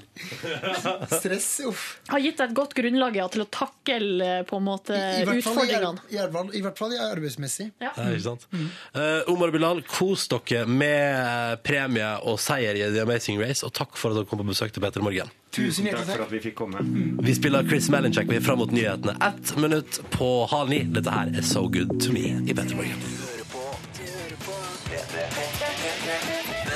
Phones på P3, My Number er til låta deres. Åtte minutter over halv ni. God morgen og god torsdag. I morgen er det fredag og helg. Og akkurat nå er du våken til stades i verden når du hører på NRK P3 og P3 Morgen. Som har fått inn et vakkert bilde på Facebook-sida vår. Thomas har sendt oss si utsikt og en morgenhelsing fra Castle Rock, Castle Rock Dublin. Og det er vakkert landskap, og der er det ikke noe flom og styr. Der er det skyfritt og vakkert i Storbritanniens eh, Eller Irlandens land, som jeg pleier å kalle det. Altså, Ja, Du må være forsiktig med å kalle Dublin for Storbritannia. men er det ikke, ligger ikke det Nei, hvordan blir dette her? Pass. Vi går til Sogningen, som også har sendt eh, melding P3 til 1987 på SMS, da, og skriver at han eh, tjenestegjør for Forsvaret som sjåfør på Sortland, og kjører nå og hører selvsagt på P3. Så da vil jeg bare si god morgen til deg, Sogningen. God morgen! Håper at det står bra til der i Armyen. Ja, og det står at han er eller det, Jeg tolker det sånn at han er litt lei av alle nordlendingene, eh, og at han liker å høre på eh, Sunnfjord-dialekta til Ronny. På radioen. Ja. Og jeg vil bare si, Nå har vi jo fått et bilde fra Dublin der i dag, og sånn, og, og vi har jo, jeg har jo laga Jeg oppretta et fotoalbum på Facebook-sida vår som jeg er litt stolt av, og som produsent Sigrid har fylt på i ettertid, for det har kommet inn masse hyggelige bilder i albumet som jeg altså har kalt for Lytterutsikt, som altså er, da er fotografi av utsikta til P3 Morgen-lyttere i det store utland. Her har vi bilder fra New York, og fra København, og fra Paris. Og fra Afrika. Mhm. Og mye annet. Det kan du sjekke, ut. Oi, det, altså, og flott uh, morgenstemningbilde fra Polen. Så vi har altså lyttere i hele verden, og nå er det bilde av utsikta der. Her er, her er det et badebasseng. Ja da. Her står det sitter, er etter fire måneder i utlandet. Uh, fant jeg at jeg kan høre på P3-appen i utlandet, ja. Befinner meg i Kambodsja. Hvor klokka da var 13.12 når vedkommende lytter sendte inn det fotografiet. Vær forsiktig med 3G-bruk i utlandet. Jeg sier det bare. Jeg glemmer ikke, jeg fikk jo SMS fra mamma en gang, hun var i Kroatia. Hei, hvordan er det jeg hører på P3 igjen når jeg er i utlandet? Og jeg bare Stopp! Stopp! Skru av mobiltrafikken asap. Det kommer til å gå deg ille. Ja. Ja, fordi Så- det, det er dyrt i utlandet. Men på Wifi så så er jo alt mulig. På Kan ikke, det, kan ikke det bli ord for dagen? Vær så god, Silje Nordnes. på wifi er alt mulig. Kjempebra. Kjempebra. Trykk opp T-skjorte. Jeg er jo T-skjortedesigner. Ja, du gjør det, tross alt. Straks Pompeia Bastille. Først denne her fra CLMD, ny og deilig. Stockholm Syndrome, 11 minutter over halv ni. Tolv på ni med Bastille i P3 Morgen og deilige Pompeii. God morgen. Det renner fortsatt inn med flotte lytterbilder. Nå har, var det, Hvem var det som hadde sendt oss nå fra Spania? Det er Birgit, vet du, som er i Sala, Salamanca. I Spania, og har tatt bilde på vei til skolen, så vi legger det ut på Facebook vi i fotoalbumet jeg er så stolt av, som heter, altså heter Lytterutsikt, og som er fotografi av P3-lyttere sin utsikt i eh, det store utland. Her i heimlandet i Norge så driver altså NRK P3 og kårer Norges kuleste lærer. Du kan, altså Frista går ut ved midnatt. I kveld. I kveld. P3.no. Hvis du har Norges kuleste lærer, kan du, den læreren og klassen til den læreren, vinne en tur til Oslo og Rådhusplassen og Topp 20-showet der i midten av juni. Det vil man eh, vinne. Ja, så hvis du har en eh, überkul lærer, så kan du gå inn på p3.no, meld vedkommende på, og da kan du eh, og læreren og hele klassen komme til, eh, dra til Oslo på Tipp Topp-konsert. Mm. Tipp Topp 20-konsert. Men uh, du, Yngva, hengte litt opp i dette her. Jeg hengte meg litt opp i hva er en kul lærer anno 2013. Eh, og eh, jeg velger jo at det går på det, går litt på det samme, men jeg, altså, jeg, jeg begynner å bli voksen sjøl, eh, så akkurat hva jeg syns en kul lærer er, jeg vil sikkert skilles litt fra hva en 14-15-åring syns er en kul lærer. Men jeg har prøvd å spekulere litt dette her, og den siste uka så har jeg presentert lærertyper som, som liksom presenterer seg sjøl, og, og, og hvordan de ville gått for å være, hvorfor de skulle vært Norges kuleste lærer. Um, og jeg tenkte å skulle ja, Nå har jeg studert dette her såpass lenge at jeg har kommet til en slags konklusjon. Eh, det første er at du må ikke være for gammel og kjedelig. Jeg har spilt inn litt sånn jeg liker at lærere presenterer seg med sang, så jeg har spilt inn et eksempel på hvordan en litt gammel, kjedelig lærer kan høres ut. Uh, Nå er veldig spent. Ja, jeg er litt spent. Uh, ja. Her, altså. Gammel, kjedelig lærer. Jeg er lærer i biologien. Fotosyntesen er min venn. Den beskaffer vakre georginer. La meg dufte litt på dem. Er du for liten, du er min venn. Er du for stor, jeg så kom Ja, det der er altså typisk sånn gammel, litt, eh, litt fornuftig lærer som ikke vil eh, kunne vinne den konkurransen her. Ja. Sorry. Du- Sorry, Mac. Sorry. Um, men så må man heller ikke gå for langt andre veien. Det verste en lærer kan gjøre, tror jeg, for å liksom framstille seg som kul, det er å rappe for elevene sine. Nei, ikke gjør det. Uh, og bare for å vise hvor eh, trist det her kan bli. Ja, litt for hipp lærer presenteres her. Vi er lærere ved Blåvik skole! Passer på at du ikke bruker lue! Inne! Inne! Innenfor! Klasserommets vegg! Vegg! Løfter buken av ei klegg! For å vise om han har belegg på tarmene sine! Var Jørg 1 i tungtvann med der? Ja, han er jo, altså, det er jo kanskje han litt eh, gymlæreren da, som Ja. er med i bakgrunnen, Ja. som ikke får lov til å rappe, for han er ikke like eh, flink sånn, eh, i- med ordene sine. Da. Wow! Men det her blir litt for hipt. Kan ikke vinne Norges kuleste lærer. Litt for hipt, men jeg tror at det som er det viktigste hvis du skal være en kul lærer, det er å være den klassiske litt sånn u, ikke så sjølhøytidelige, som eh, kan eh, rocke litt og, og være litt grann, eh, tøff. Og da er det den melodien som alltid fungerer, og presentasjonen som alltid fungerer av seg sjøl, det er når jeg blir 66. Det er litt gammelmodig, men sånn skal en lærer være, for det skal være et tydelig skille mellom generasjonene. Ja. Så altså, eh, det jeg ville stemt på som verdens kuleste lærer, er han som synger eh, 'Når jeg blir 66'-melodien. Du hører på Du hører på P3. Dette er Peace med Wraith i P3 Morgen når klokka nå er fire minutter på ni. Riktig god morgen og god torsdag til deg. I morgen er det fredag, Silje. Åh, jeg gleder meg sånn. Aha. Jeg gleder meg sånn til helg. Mm, hva skulle jeg på? I helga, altså. Jeg vet ikke. Nei. Jeg har ingen planer, men jeg tror at eh, jeg skal være i lag med kjæresten min, som jobber. Altså, vi møtes eh, I denne uka så har vi møttes ca. fem timer i døgnet, og det er mellom klokka ett på natta og eh, klokka seks, eller litt ja, før seks, eller halv seks-tida når jeg drar på jobb Mm. på morgenen. Så det er jo tipp topp for et forhold, det. Mm. Får kommunisert en hel masse. Ja, ja. Ja. Så da skal dere ha lange, flotte samtaler og Ja, kanskje Ja. gå på tur, eller jeg vet ikke ikke, god mat. Mhm.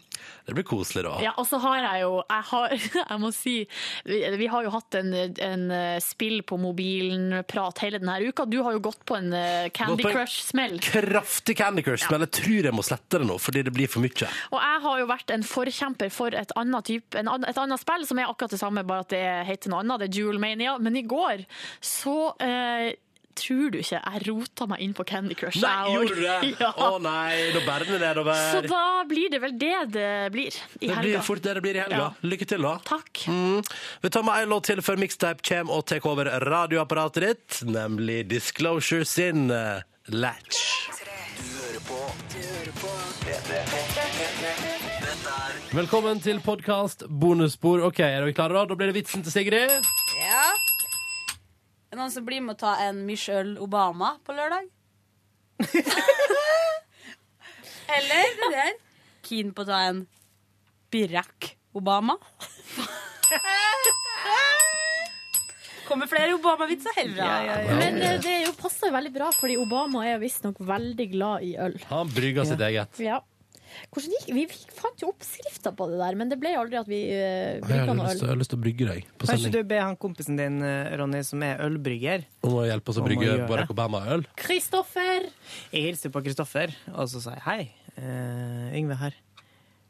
Og da jeg lurer på om Kanskje jeg bare legger på, men at han sa uh, da han skulle introdusere seg, at han var finansrådgiver og ølbrygger.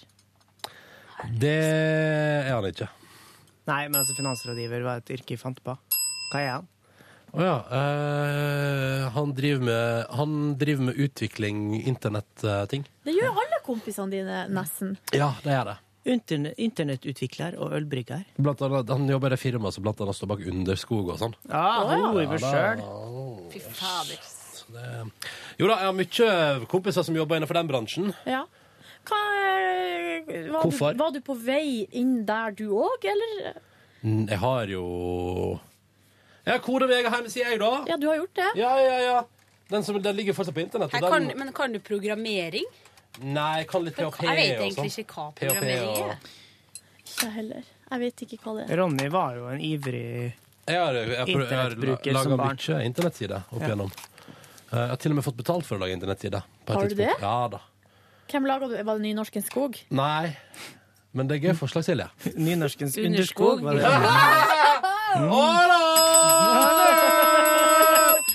Helvete, ass. Hipt for nynorskbrukere. Det er Veldig kult, det, da. Det må være lov å bråke litt. Ja. Dere, kan jeg ta oss og videreføre eh, bare, Vi hadde jo en veldig interessant eh, diskusjon i lunsjen i dag. Ja, du Ja. eh, hører riktig, vi har spist lunsj før Det er fordi at det blir så, Ja, det det blir så latterlig fort tomt for røst i kantina. Ja, så på torsdager går vi alltid i kantina rett etter sending for at vi skal få oss våre ukentlige potetos. røst i potetos. Det var godt i dag, bedre enn forrige uke. Flaks for kantina. Ja. Jeg synes det er så rart at folk driver og kommenterer når de går forbi sånn Å, tatt, gått helt, tatt den helt ut i dag. Ja, English breakfast. Altså. Ja. Bli- Skal bli tjukk i dag. Ja, det er egentlig det de sier. Ja. Bare fuck off og slutt. Vet du hva som irriterer meg? Folk kommenterer hva jeg spiser. Irriterer meg hvis folk kommenterer hvordan jeg spiser. Det er enda verre. Ja, det er det verre, tror jeg faktisk. Ja. Eh, Men vet du hva, jeg tror faktisk jeg må gå og gjøre eh, litt sånn eh, ja. Hæ? Hvor skal du gå? Jeg skal hente noen kamera og putte noen kabler inn i noen koakser. Eller Vi skal jo Du må jo være med på denne diskusjonen. Ja, ok Fordi eh, Sett deg ned! Men jeg finner ikke den mailen. Hvilken mail? Nei, for greia er at jeg har fått en mail fra en lytter. Ja. Men eh, du som har sendt den mailen, du vet jo sjøl hvem du er. Beklager at du ikke får noe mention nå, for at jeg finner Men den, ikke igjen. den har gått kun til deg? Den har, vi har først fått den alle sammen. Ja. Og så uh, sa vi vel en gang at vi skulle ta det opp på uh, podkasten, og så ble det aldri noe av. Og så derfor har jeg fått en, uh, en, Påminnelse. en ny påminnelse kun til meg. Men det er altså en fyr som uh, for lenge, lenge, lenge siden så, eh, så skrev han og stilte følgende spørsmål. eh, og det var apropos til at jeg var så forelska i Marit Bjørgen. Om uh, skeive jenter, da primært var det han lurte på, liker andre typer jenter enn gutter gjør. Og det diskuterte vi jo litt i, i lunsjen i Det er dag. det jo, er det jo. Um, så nå tenkte jeg vi kanskje skulle uh, Ta en liten- ta en liten uh, recap. Ja. Eller det er umulig å svare på det, syns jeg, da. Ja, jeg tenker du er jo kanskje den som Nei, jeg vet ikke. Dere blir så stille. Nei, vi vi, må, stille, vi vi, det betyr at vi tenker, Silje. Men uh, det er jo også som Vi kan godt begynne å snakke uten å tenke. Uh, da vil det høres sånn ut. Eh, damer eh, Ja, men dere dere gutter, da. Utgangspunkt. Hvilken type jenter er det dere liker? Er ja, det noe felles det fellestrekk der? si gutt, Hvordan type damer liker gutter? Ja. Ja. Det Eh, blir jo er på en måte det samme ja, som å spørre Det hvilken type er jo- damer liker lesber. Så individuelt. Ja, ikke sant? Um, For du har, gått, du har gått den feminine veien, Silje. Jeg liker hovedsakelig digge damer. Men det er jo, jeg tror at det spørsmålet har jo kommet eh, som et apropos til eh, Therese Johaug versus Ja, Marit sånn, ja. Bjørgen. Mm. Der eh, kanskje det kan være en teori at gutta går for Therese Johaug, Mens og så vil alle lesbene gå for Marit ja. Bjørgen. Mm. Og hvorfor er det da i så fall sånn? Jeg tenker Hvis jeg hadde vært lesbisk, da, så ville jeg tenkt at begge dem to var veldig innafor. Eller så hvis du altså, tenker på, den ene sida så har du liksom de, de har sånn fine egenskaper og Fine to helt forskjellige fine kropper, tenker jeg. Ja. Er sånn, Ja. De er liksom fine på helt forskjellig måte. Og det, Du ville hatt begge to? Ja, egentlig. Men jeg, av og til så tror jeg hvis det, det, som, det er jo et evig mysterium hvorfor jenter liker maskuline jenter. Men det tror jeg bare handler om at uh, jenter som er litt maskuline, de er på en måte litt utafor de faste rammene Ja. allerede. Så da har man på Da tenker man å ja, hun er litt sånn uh, Spreng noen båser her. Mm. Kanskje hun Kanskje hun har kan lyst sprenge meg. Spreng båsen min. Kanskje hun har lyst til å sprenge den heteronormative båsen i lag med meg. Ja. At det er det man tenker, at man har større sjanse på de jentene som allerede er litt sånn uh, ambiguous At man blir litt usikker. Men det er ikke litt sånn at uh, kanskje Lesbesangen en del Silje når hun går inn på klubbene sine. Men det er jo sånn at eh, du ikke sikkert, som i alle andre forhold, at det er en som på en måte tar den litt mer sånn bestemte rollen, og en som kanskje er litt mer Jeg vet ikke. Om man tenker at hvis en eh, ørna jente ser litt sånn tøff Men- og rå ut, at man tenker OK, da er hun den. Det passer meg bra, for jeg er litt mer sjenert. Men Men nå blir det jo lesbefest i helga i Oslo fordi Pink kommer. Bare Er embrace lesbe? yourself. Nei, det er det som er. er jo ikke Men hun er et sinnssykt lesbikon. Why? Ja, og der, ja, why? Men hun har sagt For hun driver og, og er leker med skyld, det. eh, Leker med bikuriositet. Har sagt at hun kan like begge deler. Mm. Og så eh, Og da Og så hadde hun jo kort hår før Ja. alle andre. Kort hår. Ja. den der, eh, altså, det er jo en lesbesveis. Ja, det var jo egentlig har det. det jo blitt. Å Mm. ha sånn hanekam. Vide bukser. eh, og så er hun liksom Nei, det er et eller annet der. At hun på en måte er annerledes. Men så kan hun liksom balansere det der litt feminine med det maskuline, så kanskje det vanger litt eh, av den typen lesber som føles litt mer maskulin, klarer å finne litt sånn jentete stil på eh, sin maskulinitet. Mm. Og det er jo det Pink gjerne har Ja, gjort. hun er veldig god på det. det er sant. Hun er veldig god på den Kombinere seggebukse og bikini, liksom, så man får fram formene, samtidig som at du kan se litt rå ut. Men jeg, jeg kan si for min egen del, da, så har jeg alltid vært blitt tiltrukket av folk som er litt annerledes. Som ikke er liksom øh, den derre Hva skal jeg si? Hvem jeg skal beskrive som er litt sånn som fotballfrue. Mm. Følg, hun gjør på en måte alltid det som blir forventa. Hun studerer, møter en fyr. Etter ett år så forlover de seg, og så gifter de seg, og så kjøper de hus. Og så. Altså, det er så oppskriftsmessig, på en måte. Ja. Og utrolig heteronormativt. Mens du skriver, skriker et stort sånn no way til de greia der, Nei, liksom. egentlig ikke, men det er bare et eller annet det er, det er kanskje et eller annet der, ja. Ja. Men, det ligger vel eh, akkurat i den setninga når de prøver å underbygge din teori, at du sier ikke akkurat at det er der du ligger. Mm. At du, du er aldri det- helt enig. Men det er jo noe med det, tenker jeg sånn OK, hvis du er lesbisk, da, er det Det må jo være veldig lett for dere å bli forelska i liksom andre jenter som ikke er lesbisk? Eller er det sånn man på en Ja, måte det er fort, fort gjort, ja. Ja. Veldig fort gjort. Mens dere på en måte kanskje som alle jenter som er sånn åpent lesbisk, liksom blir litt er lik man, på en måte. det er derfor man går på sånne homoplasser. homoplasser. Det er jo for at man skal slippe Det skjønner jeg det veldig der godt. problemet Men med å bli interessert i ei dame Hvor mye hat kommer det ut av at ei heterofil kvinne menger seg på lesbeklubb? Nei, det kommer ikke så mye hat, men jeg har masse venninner som har gått på en smell med heterojenter. Ja. Fordi det er utrolig irriterende med, Det er irriterende med jenter som kommer der for én kveld og skal liksom bare rote med ei dame, og så skal de hjem til Mannen sin. ja, eller mannen sin eller typen sin eller liksom venninnen sin og fortelle om liksom det store eventyret. Og så, så blir man litt sånn ja, uh, sittende igjen med skjegget i postkassa, da. Ja, ja. Sigrid, ta, ta lyset. Åh, skal vi sitte i mørket og snakke? Nei, men ikke, ikke, ikke, ikke Ja, det det lyset. store lysbryteren. Det store lys, den, Ja. den ble for mye lys her inne. Ja, nå kan vi snakke fritt. Ja, nå er det liksom eh, Jeg føler at det er litt sånn Sånn som når dere merker Bare for å ta et eksempel fra oppveksten. Ja. Du vet når du er på overnatt, overnattingsbesøk. Når for eksempel, da ser er det i mitt tilfelle kompiser på overnattingsbesøk. Og idet liksom man skal legge seg og Ja, sånn. det er da den gode samtalen Ja. kommer, når du slår av lyset. Å, ja. Ja. Jeg trodde vi skulle begynne å lure på om den ene kvelden din. Nei, nei, nei, jeg bare refererer til at de gode samtalene ofte kommer i mørket. Men kan jeg si en til ting om eh, hvor så rart det er med hva man blir tiltrukket av, og liksom den gruppementaliteten? Ja. Fordi eh, det, har, det er jo, diskusjonen arv eller miljø er jo evigvarende. Ja.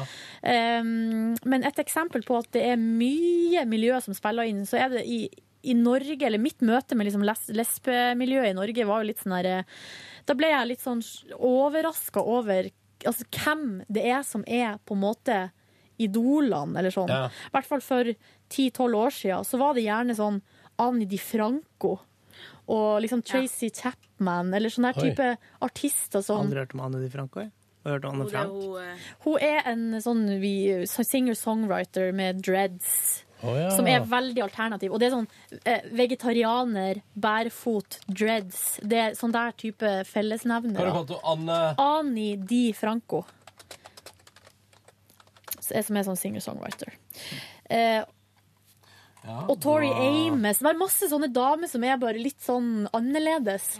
Men så var jeg jo i Costa Rica, og der på lesbeklubben der, der var det Pussycat Dolls? Britney Spears, Destiny's Child, og det var liksom det det gikk i. Beyoncé på storskjerm og Det var liksom veldig sånn uh, at jentene på en måte likte de, uh, de vanlige jentene å like. Ja, jeg skjønner hva du mener. Her er Annie Di Franco. Det der er sånn sett på rommet sitt og syns synd på seg sjøl-musikk. Ja, men kanskje mange gjør det? Ja, selvfølgelig. Det er mange som gjør det. Ja, for det begynner veldig rolig. Oi. Lave. Hva er det her slags opptak? Er det på YouTube? Ja. Veldig fin stemme, da. Alanis Morissette også. Ja. Ikon. ikon. Se for meg det. Men Ellen Hoff syns jeg faktisk eh, husker jeg, når hun eh, kom med den musikkvideoen der hun står naken rundt omkring. Thank Jeg you, tenkte, ja. husker jeg første gang jeg tenkte sånn Er jeg litt lesbisk, eller?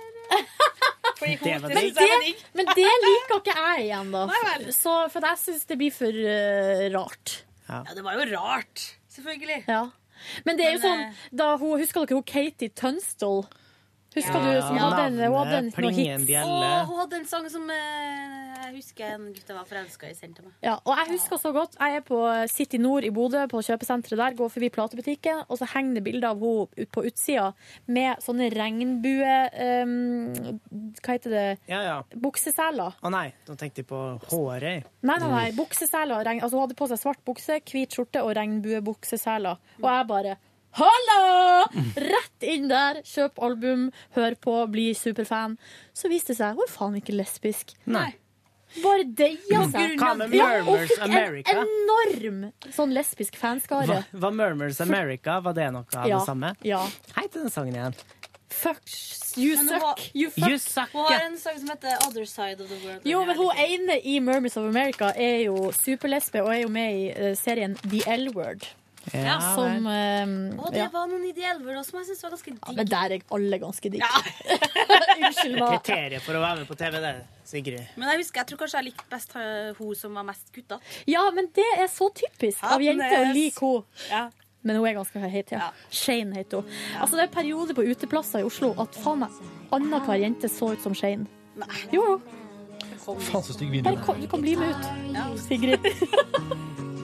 Den husker jeg fra NRK på 90-tallet. Utrolig stygg video. Vi hører refrenget, da. Det her er You paralyze my mind, and for that you suck.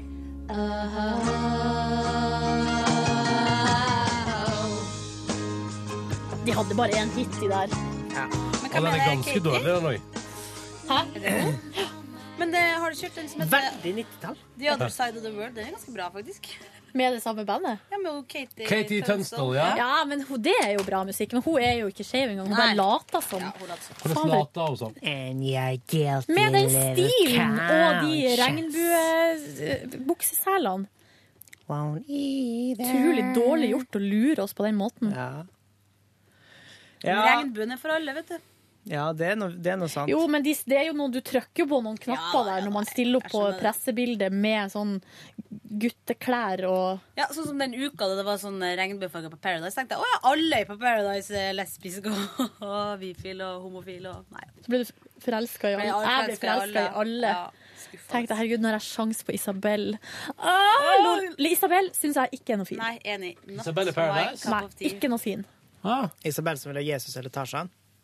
Ja. Og så snakker hun alltid sånn, sånn at hele fjeset er Jeg liker henne skikkelig godt, jeg. Jeg syns hun er fin, Jeg liksom. jeg, syns også, også at hun er fin, ja. Jeg syns ikke hun er fin. del har noen kompiser som sitter hjemme Charlotta er den fineste i Paradise. Uten tvil.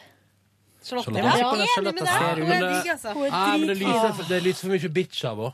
Men Katie Tønsel, føler- finner du eksempel på Skal jeg finne? Katie Tønsel til deg? Ja, Vi bare finner ett eksempel. Ja, så men Det er folk- bare å gå i pen musikk der. Spiller de Katie Tunstall på P1? Ja, hvorfor skulle jeg ikke gjøre det? Kontrollen de hadde ble så glad. Det, det er noen hits der. Fra ca. 2004-2005. Rart. Something's going on. Eh, Der, ja.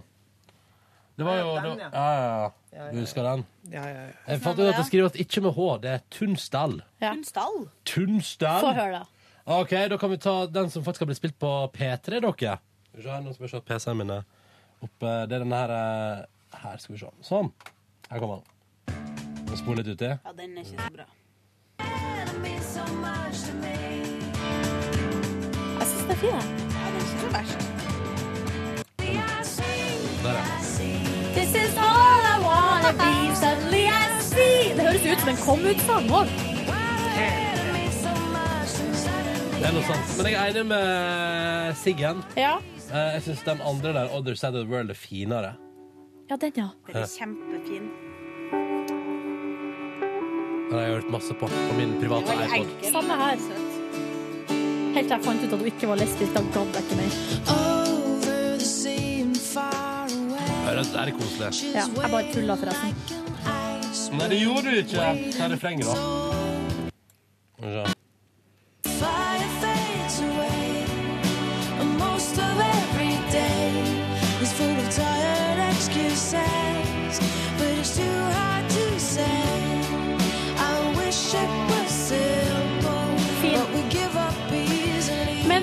Er nå det fine kommer. Ja, enig. Enough to see that you're on the other side of the world to me. Men sånn som Katy Perry, hun, da hun kom med I Kissed a Girl, Mm. så ble det jo masse debatt og kontrovers. Fordi at det var mange som mente at eh, hun på en måte bare underbygger den forestillinga om at jenter bare er sammen litt, og kysser litt fordi det smaker oh, ja, godt av eh, ja. kirsebærlipglossen til hverandre. Og så Mm. eh, går man hjem til mannen sin etterpå, da. Men eh, Det er det politiske korrekte, da. Men eh, lesbegjengen min, de kjørte I Kiss The Girl skamløst på vors Ja. i en hel sommer. Men det var det jo mange som gjorde. Jeg husker jeg jobba jo i Super. Da Da var jeg jo intervjua masse førsteklassinger om hva som var favorittmusikken deres. Mm. Sånn I kissed a girl. Altså, de digga jo den. Gikk og på Men den. altså, de kysser jo uansett. Ja. Små, Første, ja. første sang. Men du, eh, Kan jeg bare, Silje før, bare før vi vi hopper fra, før vi- fra Katy Perry Jeg må bare spille det gøyeste jeg har sett på YouTube. Eller ikke sett det gøyeste jeg har sett på YouTube, men ja, veldig gøy med disse russerne. Dere har sett den? Nei? Som cover av Katy Perry? Jo, jeg har sett det. jeg har sett det.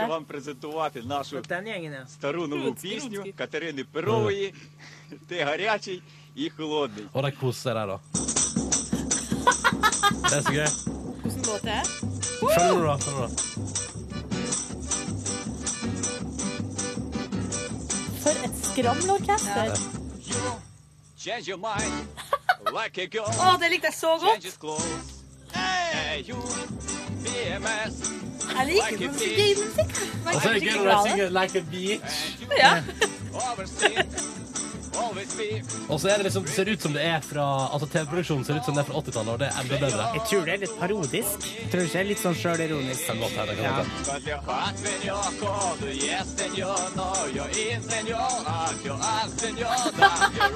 Kan vi leie inn de der til eh, P3 sin sommerfest? Ja, det koster bare. Det koster sikkert bare fem kroner, ikke sant? Ja, ja. Siden de er fra Kan vi ikke få noen sånne romfolk da, som står nede i byen Ja, ja, til å komme? Jeg foreslo det som tema, er romfolk. eh. det ble... Men jeg synes nå de band, Det står ett band utenfor Nationaltheatret. De syns jeg er konge. Det er noen som er litt rasjonelle. Ja. Ja. Ja. Eh, Det jeg skulle spørre om I Kiss the Girl-forspillet ditt, Silje, Ja. er det da, når de synger på den sangen, er det at de da drømmer om at Katy Perry skal komme og kysse dem, eller drømmer de om å gå og kysse ei dame? Nei, jeg tror bare det at man eh, Jeg vet da søren, jeg lesba er ganske rar. Jeg Mm. tror at veldig mange blir litt sånn glad for, uh, for anerkjennelsen i det offentlige rom. Ja. Om at det man gjør, ikke er helt krise. Men da eksempel Anne Grete Preus favorittsanger som uh, 'Månens elev' og sånne ting, når hun liksom går i sin stille Er det Ikke så mye Anne Grete Preus nå lenger. Nei. Men det var nok det før. Mm. Det tror jeg nok. Ja. Det tror jeg nok. Ja ja, da har vi diskutert det ganske behørig. Jeg håper du Sorry at jeg ikke husker hva du heter, men han har litt rart navn. Husker dere han som har skrevet mail mange ganger, som har litt sånn uh, merkelig navn på mailen sin? Ikke Ron Jambo. Jeg skulle til å foreslå Ron Jambo. Nei, men en annen. Ja ja, uansett. Håper du ble fornøyd med denne lille diskusjonen. Det håper jeg eh, også. ja. Mm. Vet dere hva jeg gjorde på i går, eller? Nei. Ingenting fornuftig, omtrent. Samme Jeg, eh. Samme her. jeg eh, så Amazing Race-finalen. Og så var jeg ute og spiste litt middag og drakk to øl med min gode venninne Mari. Ble det For dere på radioøl? Nei, eller de gjorde. Jeg gikk hjem. Ja. Jeg, Dro din gode venninne Mari på radioøl? Jobber hun med radio? Nei, men det var sånn Hør på radiodokumentaren og se en konsert med Anne Brun etterpå. Ja. Ja, så det, det gikk hun på. Eh, og da, da sa jeg takk for meg når de skulle gjøre det. Hun og meg Tone skulle dit, og da sa jeg takk for meg. Jeg er trøtt, jeg går hjem igjen. Og da gikk jeg hjem, sovna med en gang. Så jeg har sovet veldig masse i går. Så heldig du er. Deilig, ja. Mm. Men våkna du sånn i to-tida og spilte Candy Crush i fire timer? Nei, jeg våkna, våkna igjen klokka ti. Spilte litt Candy Crush, og så la jeg meg igjen. Ja. Ah, selv så, Jeg skulle jo egentlig på sånn radioøl, hadde en avtale med Mm. ei venninne som eh, skulle, Hun jobba i VG. Skulle jobbe til klokka fem. Så skulle hun hjem og slappe litt av, og så skulle vi egentlig dra på radioøl i lag. Hva skjedde? Eh, nei, og så skulle hun på jobb, altså hun skulle ikke drikke øl, da, hun skulle bare være med eh, og drikke brus. da. Litt Men- ekskluderende å kalle det for radioøl? Ja, da. litt ekskluderende. Men hun skulle på jobb igjen klokka to i natt. For gjett hva det var de eh, holdt på med i VG. Ja. Verdens lengste intervju. Så hun skulle gjøre det, da? Hun, hun skulle gjøre det, sånn at jeg fikk en SMS i går. Mens jeg var på trening, så sto det Du, vet du hva? Jeg er så sliten. Jeg skal på jobb i natt. Jeg tror ikke jeg klarer å gå ut og være sosial. forstår jeg. Skjønner. Ja, jeg skjønner det så sykt godt, og da skal jeg være 100% ærlig med dere. For at jeg tenkte det regna ute, ikke så keen på å gå ut, egentlig.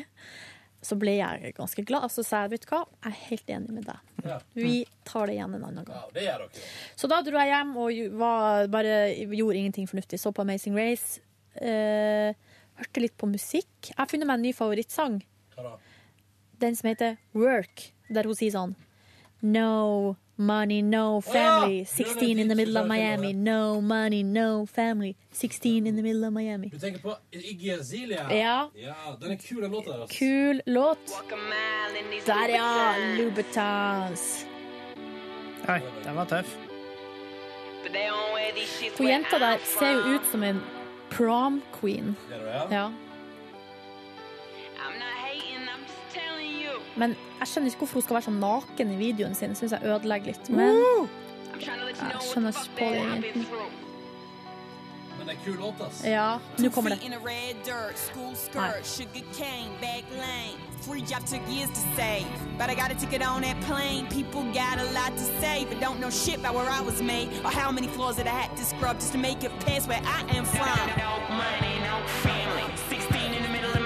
No money, no family. 16 in the middle of Miami. No money, no family. 16 in the middle of Miami. I've been up all night trying to get there rich. I've been work, Tøffe work, greier. work. Den Silje. er ganske kul, den låta der, så jeg bare satt og blæsta den i stua. Oh, yeah, med bassen på før. Ja, Digg å oppdage ny musikk. Og så så jeg på Paradise, og så lå jeg jo, som jeg nevnte litt på sending, hvis noen hørte det, at jeg bare lå og venta Mm. på at kjæresten min skulle komme hjem. Ja. Stirra i taket. Takk og lov, nå trodde jeg at du lå og venta på å få nye liv i dette her nå spillespillet ditt. Jewel Mania. Ja. I morgen skal vi spille så mye gøy musikk i Petter Morgen. Skal vi det? Den her Dette er noe small pools, og så skal vi spille skal vi, se, vi skal spille så masse nytt. For eksempel denne her som jeg eh, fikk lista på Peter her om dagen. Utrolig koselig låt fra en 20-åring fra England som synger sånn. Skal vi se. Skal vi se.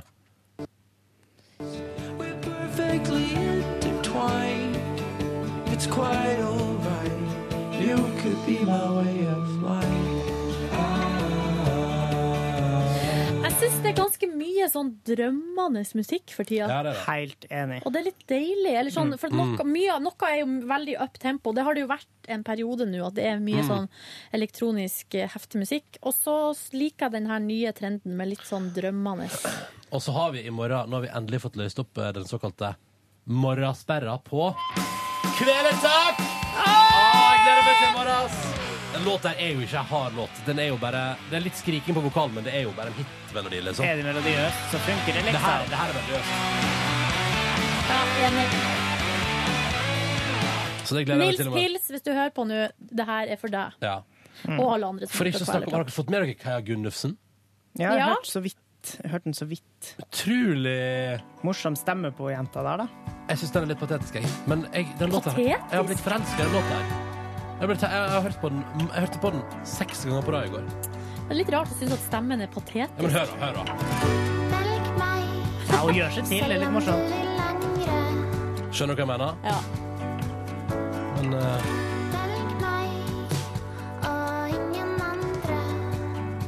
det er gøy, fordi den låta ble spilt i Popsonen i går, og alle som hørte på og sendte tilbakemelding, hata det. Kanskje den bare må sette seg. Ja, jeg, har, jeg, jeg fikk en latterkrampe første gang jeg hørte den, og ikke av den gode måten, på den gode måten. Vi skal Men, eh, huske Gabrielle med Ring meg, Ja, som akkurat ble å møtt nevne. med et eh, flir fra hele Norge. Det slik- Og hva skjedde? Det ble slik her på P3 at folk ble Jeg husker når eh, det var noen som skulle høre gjennom han. Eh, og så ble det sånn Ja, du må høre han, du må høre han. Og så hørte jeg og så hørte jeg at de hørte på den en gang til, og da er jeg sånn Sitter og hører på fortsatt. Eh, Men det var jo fordi at sånn man ble helt avhengig av den. Ja. Ja. Og det ble litt sånn vittig først, og så kom videoen, og så var det sånn I all verden er det å drive med? Men så bare sånn Det. Vent litt nå, det her er Ja. spot on! Du skjønte at det fungerte da hun var på Allsang på grensen med den låta der. Et par Ja. etter den kommet ut. Og Men skjønte på, du at det på er 20 år, da var det jo også sånn, gjorde hun en kjempeopptreden for to år siden. Det satt som en kule. Og da Ja. var det også litt sånn at publikum var sånn Hva er det som skjer her nå? Faen, det lurer jeg på. Hvem Hva- Og så er bare- her nå? Og så bare Endelig. Ring meg! Gjør det! Og da bare hele Norge har på å klikke. Ja. Det ble en kjempehit. Og jeg tror kanskje Kaja Gunnefsen også kan få til noe sånt. Men Mm. eh, folk må rett og slett Av og til må folk bare eksponeres for ting til man blir vant til det. Fordi det, Men- er, det er fjasevokal på norsk, liksom. Med sånn presserstemme. Og da trenger det litt tid. Men jeg blir av og til eh, Eller nå skal jeg si at grunnen til at jeg alltid har likt å høre på radio, er ikke nødvendigvis fordi Og P3 det er det jeg har hørt på, så det er det som er radio for meg. Og det har jeg hørt på siden jeg var åtte år. Eh, at det er ikke nødvendigvis det at jeg elsker all musikken som blir spilt, men jeg elsker å bli utfordra. Fordi bare det å gå inn på min egen Vimp, ja, jeg gjorde, eller eh, Spotify eller whatever, jeg gjorde det i går kveld. Det er deilig når du kan sitte og bare finne de egne favoritter. Men å høre på dem om og om, om igjen. Men i lengden syns jeg det er boring, da. Jeg liker å bli utfordra. Det jeg, liker, det jeg er litt irriterende, for at, eh, jeg liker jo å sitte, sette opp sånn spillelister og sånne ting, eh, til hvis de eksempel skal på en tilfeldigvis på en ukesferie til Spania sammen med veldig mange Ja, gode venner, ja. så vil jeg sette opp en spilleliste, uh, og så eh, driver jeg liksom og pønsker ut hva jeg skal ha på den. Og så Hvis de alltid da bare driver og plukker sånne gamle favoritter Da så blir sånn, det «Å, Rosanne det Toto blir med Afrika». så- Ja, så blir det greia der igjen. Men noe av det må være med. Men så da kunne du være litt sånn kynisk, og så heller begynne å leite litt. Eh, og det jeg liker veldig godt da, eh, bortsett fra å plukke altså, det siste gravet jeg har på P3, da, eh, er jo å eh, sette på sånn radiofunksjon på Spotify. Ja. Så tar utgangspunkt i dem jeg har valgt ut allerede. Og finner, Ja. altså, finner så mye kult. For eksempel Juvelen. Husker du en sånn svensk Ja, band? stemmer tror jeg? Som eh, De slapp en eller annen greie i 2007 som gikk med hus forbi, men nå går det jo bare å høre på den. Ja, hva, hva står det igjen? En sang som heter Watch Your Step. Ja, men Som husker er om. ekstremt kul. Så kanskje skru på egen mikrofon. Det.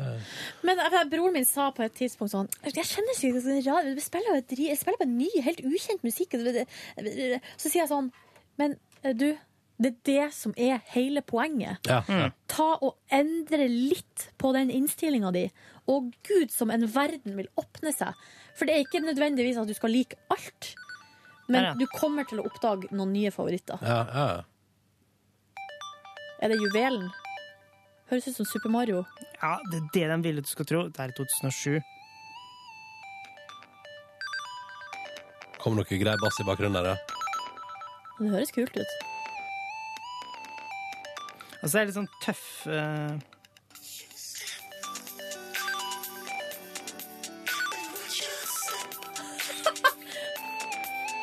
Nå laga Yngve sånn lyttefjes. Du skulle ha sett det. Det er et Ringer bra litt på fjes. han eh, lille Kai som synger Er det 'Catch a liggefjeset Grenade'. Liggefjeset mitt. Det ser sånn Dritefjes. ja. Klemme, presse. Yngve, hva gjorde du i går? Det er litt hemmelig. Men Ok. altså, jeg- vi kan hviske om det. Og jeg Så vet- jeg lenge vet hva dere du gjorde. ikke sier eh, til Hvis dere kjenner noen som skal gifte seg, Ja. så må dere ikke si hva jeg gjorde i går. Jeg var en tur i Sverige for å Var du i Sverige? Ja, vi var Oi. og handla litt. Inn Ja, til en Sverige. spesiell fest vi skal ha, da. Men jeg kan ikke si når Kan det hende at det er et slags utdrikningslag? Men Yngve, nå, må nå kan vi bare snakke gen på generell basis. For du spurte i går hvor kan jeg dra for å kjøpe Jeg skal kjøpe alkohol og kjøtt og fisk. Spurt, spurte du? Ja. Du spurte om det?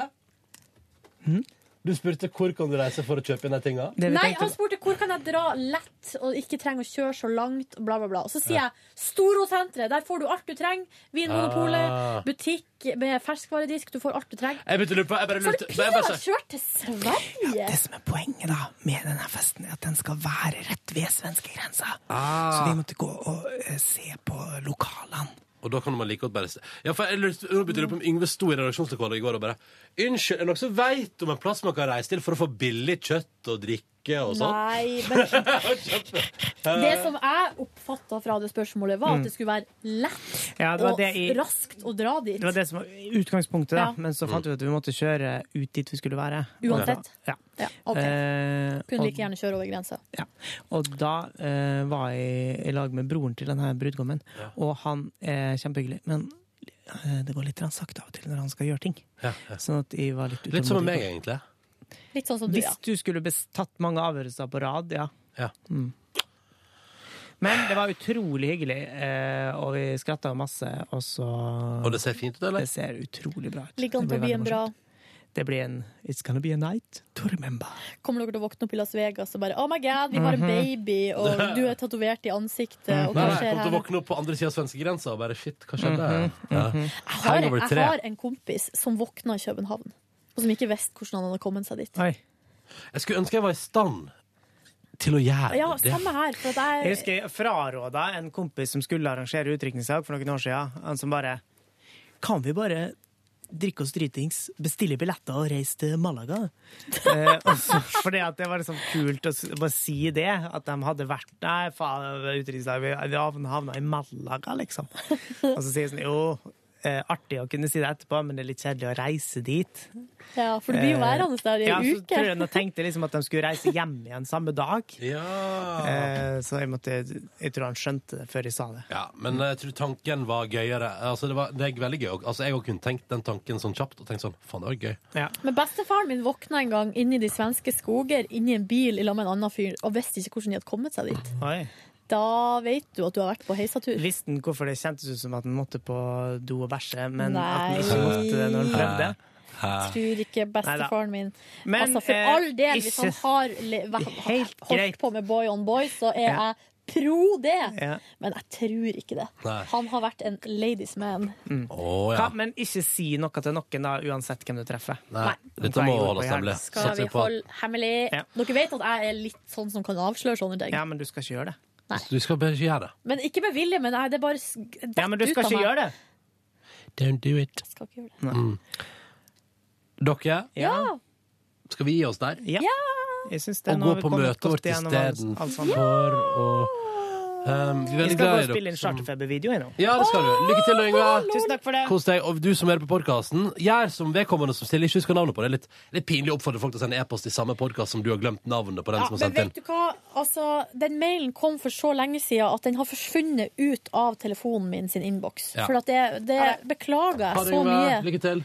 Jeg skal sende vedkommende en mail nå, før podkasten blir lagt ut. Mm. Sånn at han er forberedt på det som, altså, Ja. det som kommer. Men hvis du har lyst til å hive deg på og delta eller stille spørsmål hva som er, altså, Hvis du har et eller annet du vil ha opp til prat i podkast bonussporet vårt, så er altså du hjertelig velkommen til å gjøre det. P3morgen, krøllalfa, nrk.no er vår mailadresse. Og gjerne skriv et eller annet i emnefeltet eller tidligere på oss om at dette er til bonussporet. Og gjerne For det er eh, Ja. Vi kan godt svare på sånne litt sånne vanskelige spørsmål, sånn som vi har diskutert i dag, men da blir det en sånn eh, diskusjon uten noe svar til slutt. Ja. For det er umulig å svare på sånne spørsmål. Ja, ja, ja. Så ja, jeg skal Mm. si det. All right, ok. Ja. Da snakkes vi. Love you. Ha det bra. La, la, la. Du hører nå en podkast fra NRK P3. Hent flere podkaster fra NRK på nettsiden nrk.no podkast. NRK P3.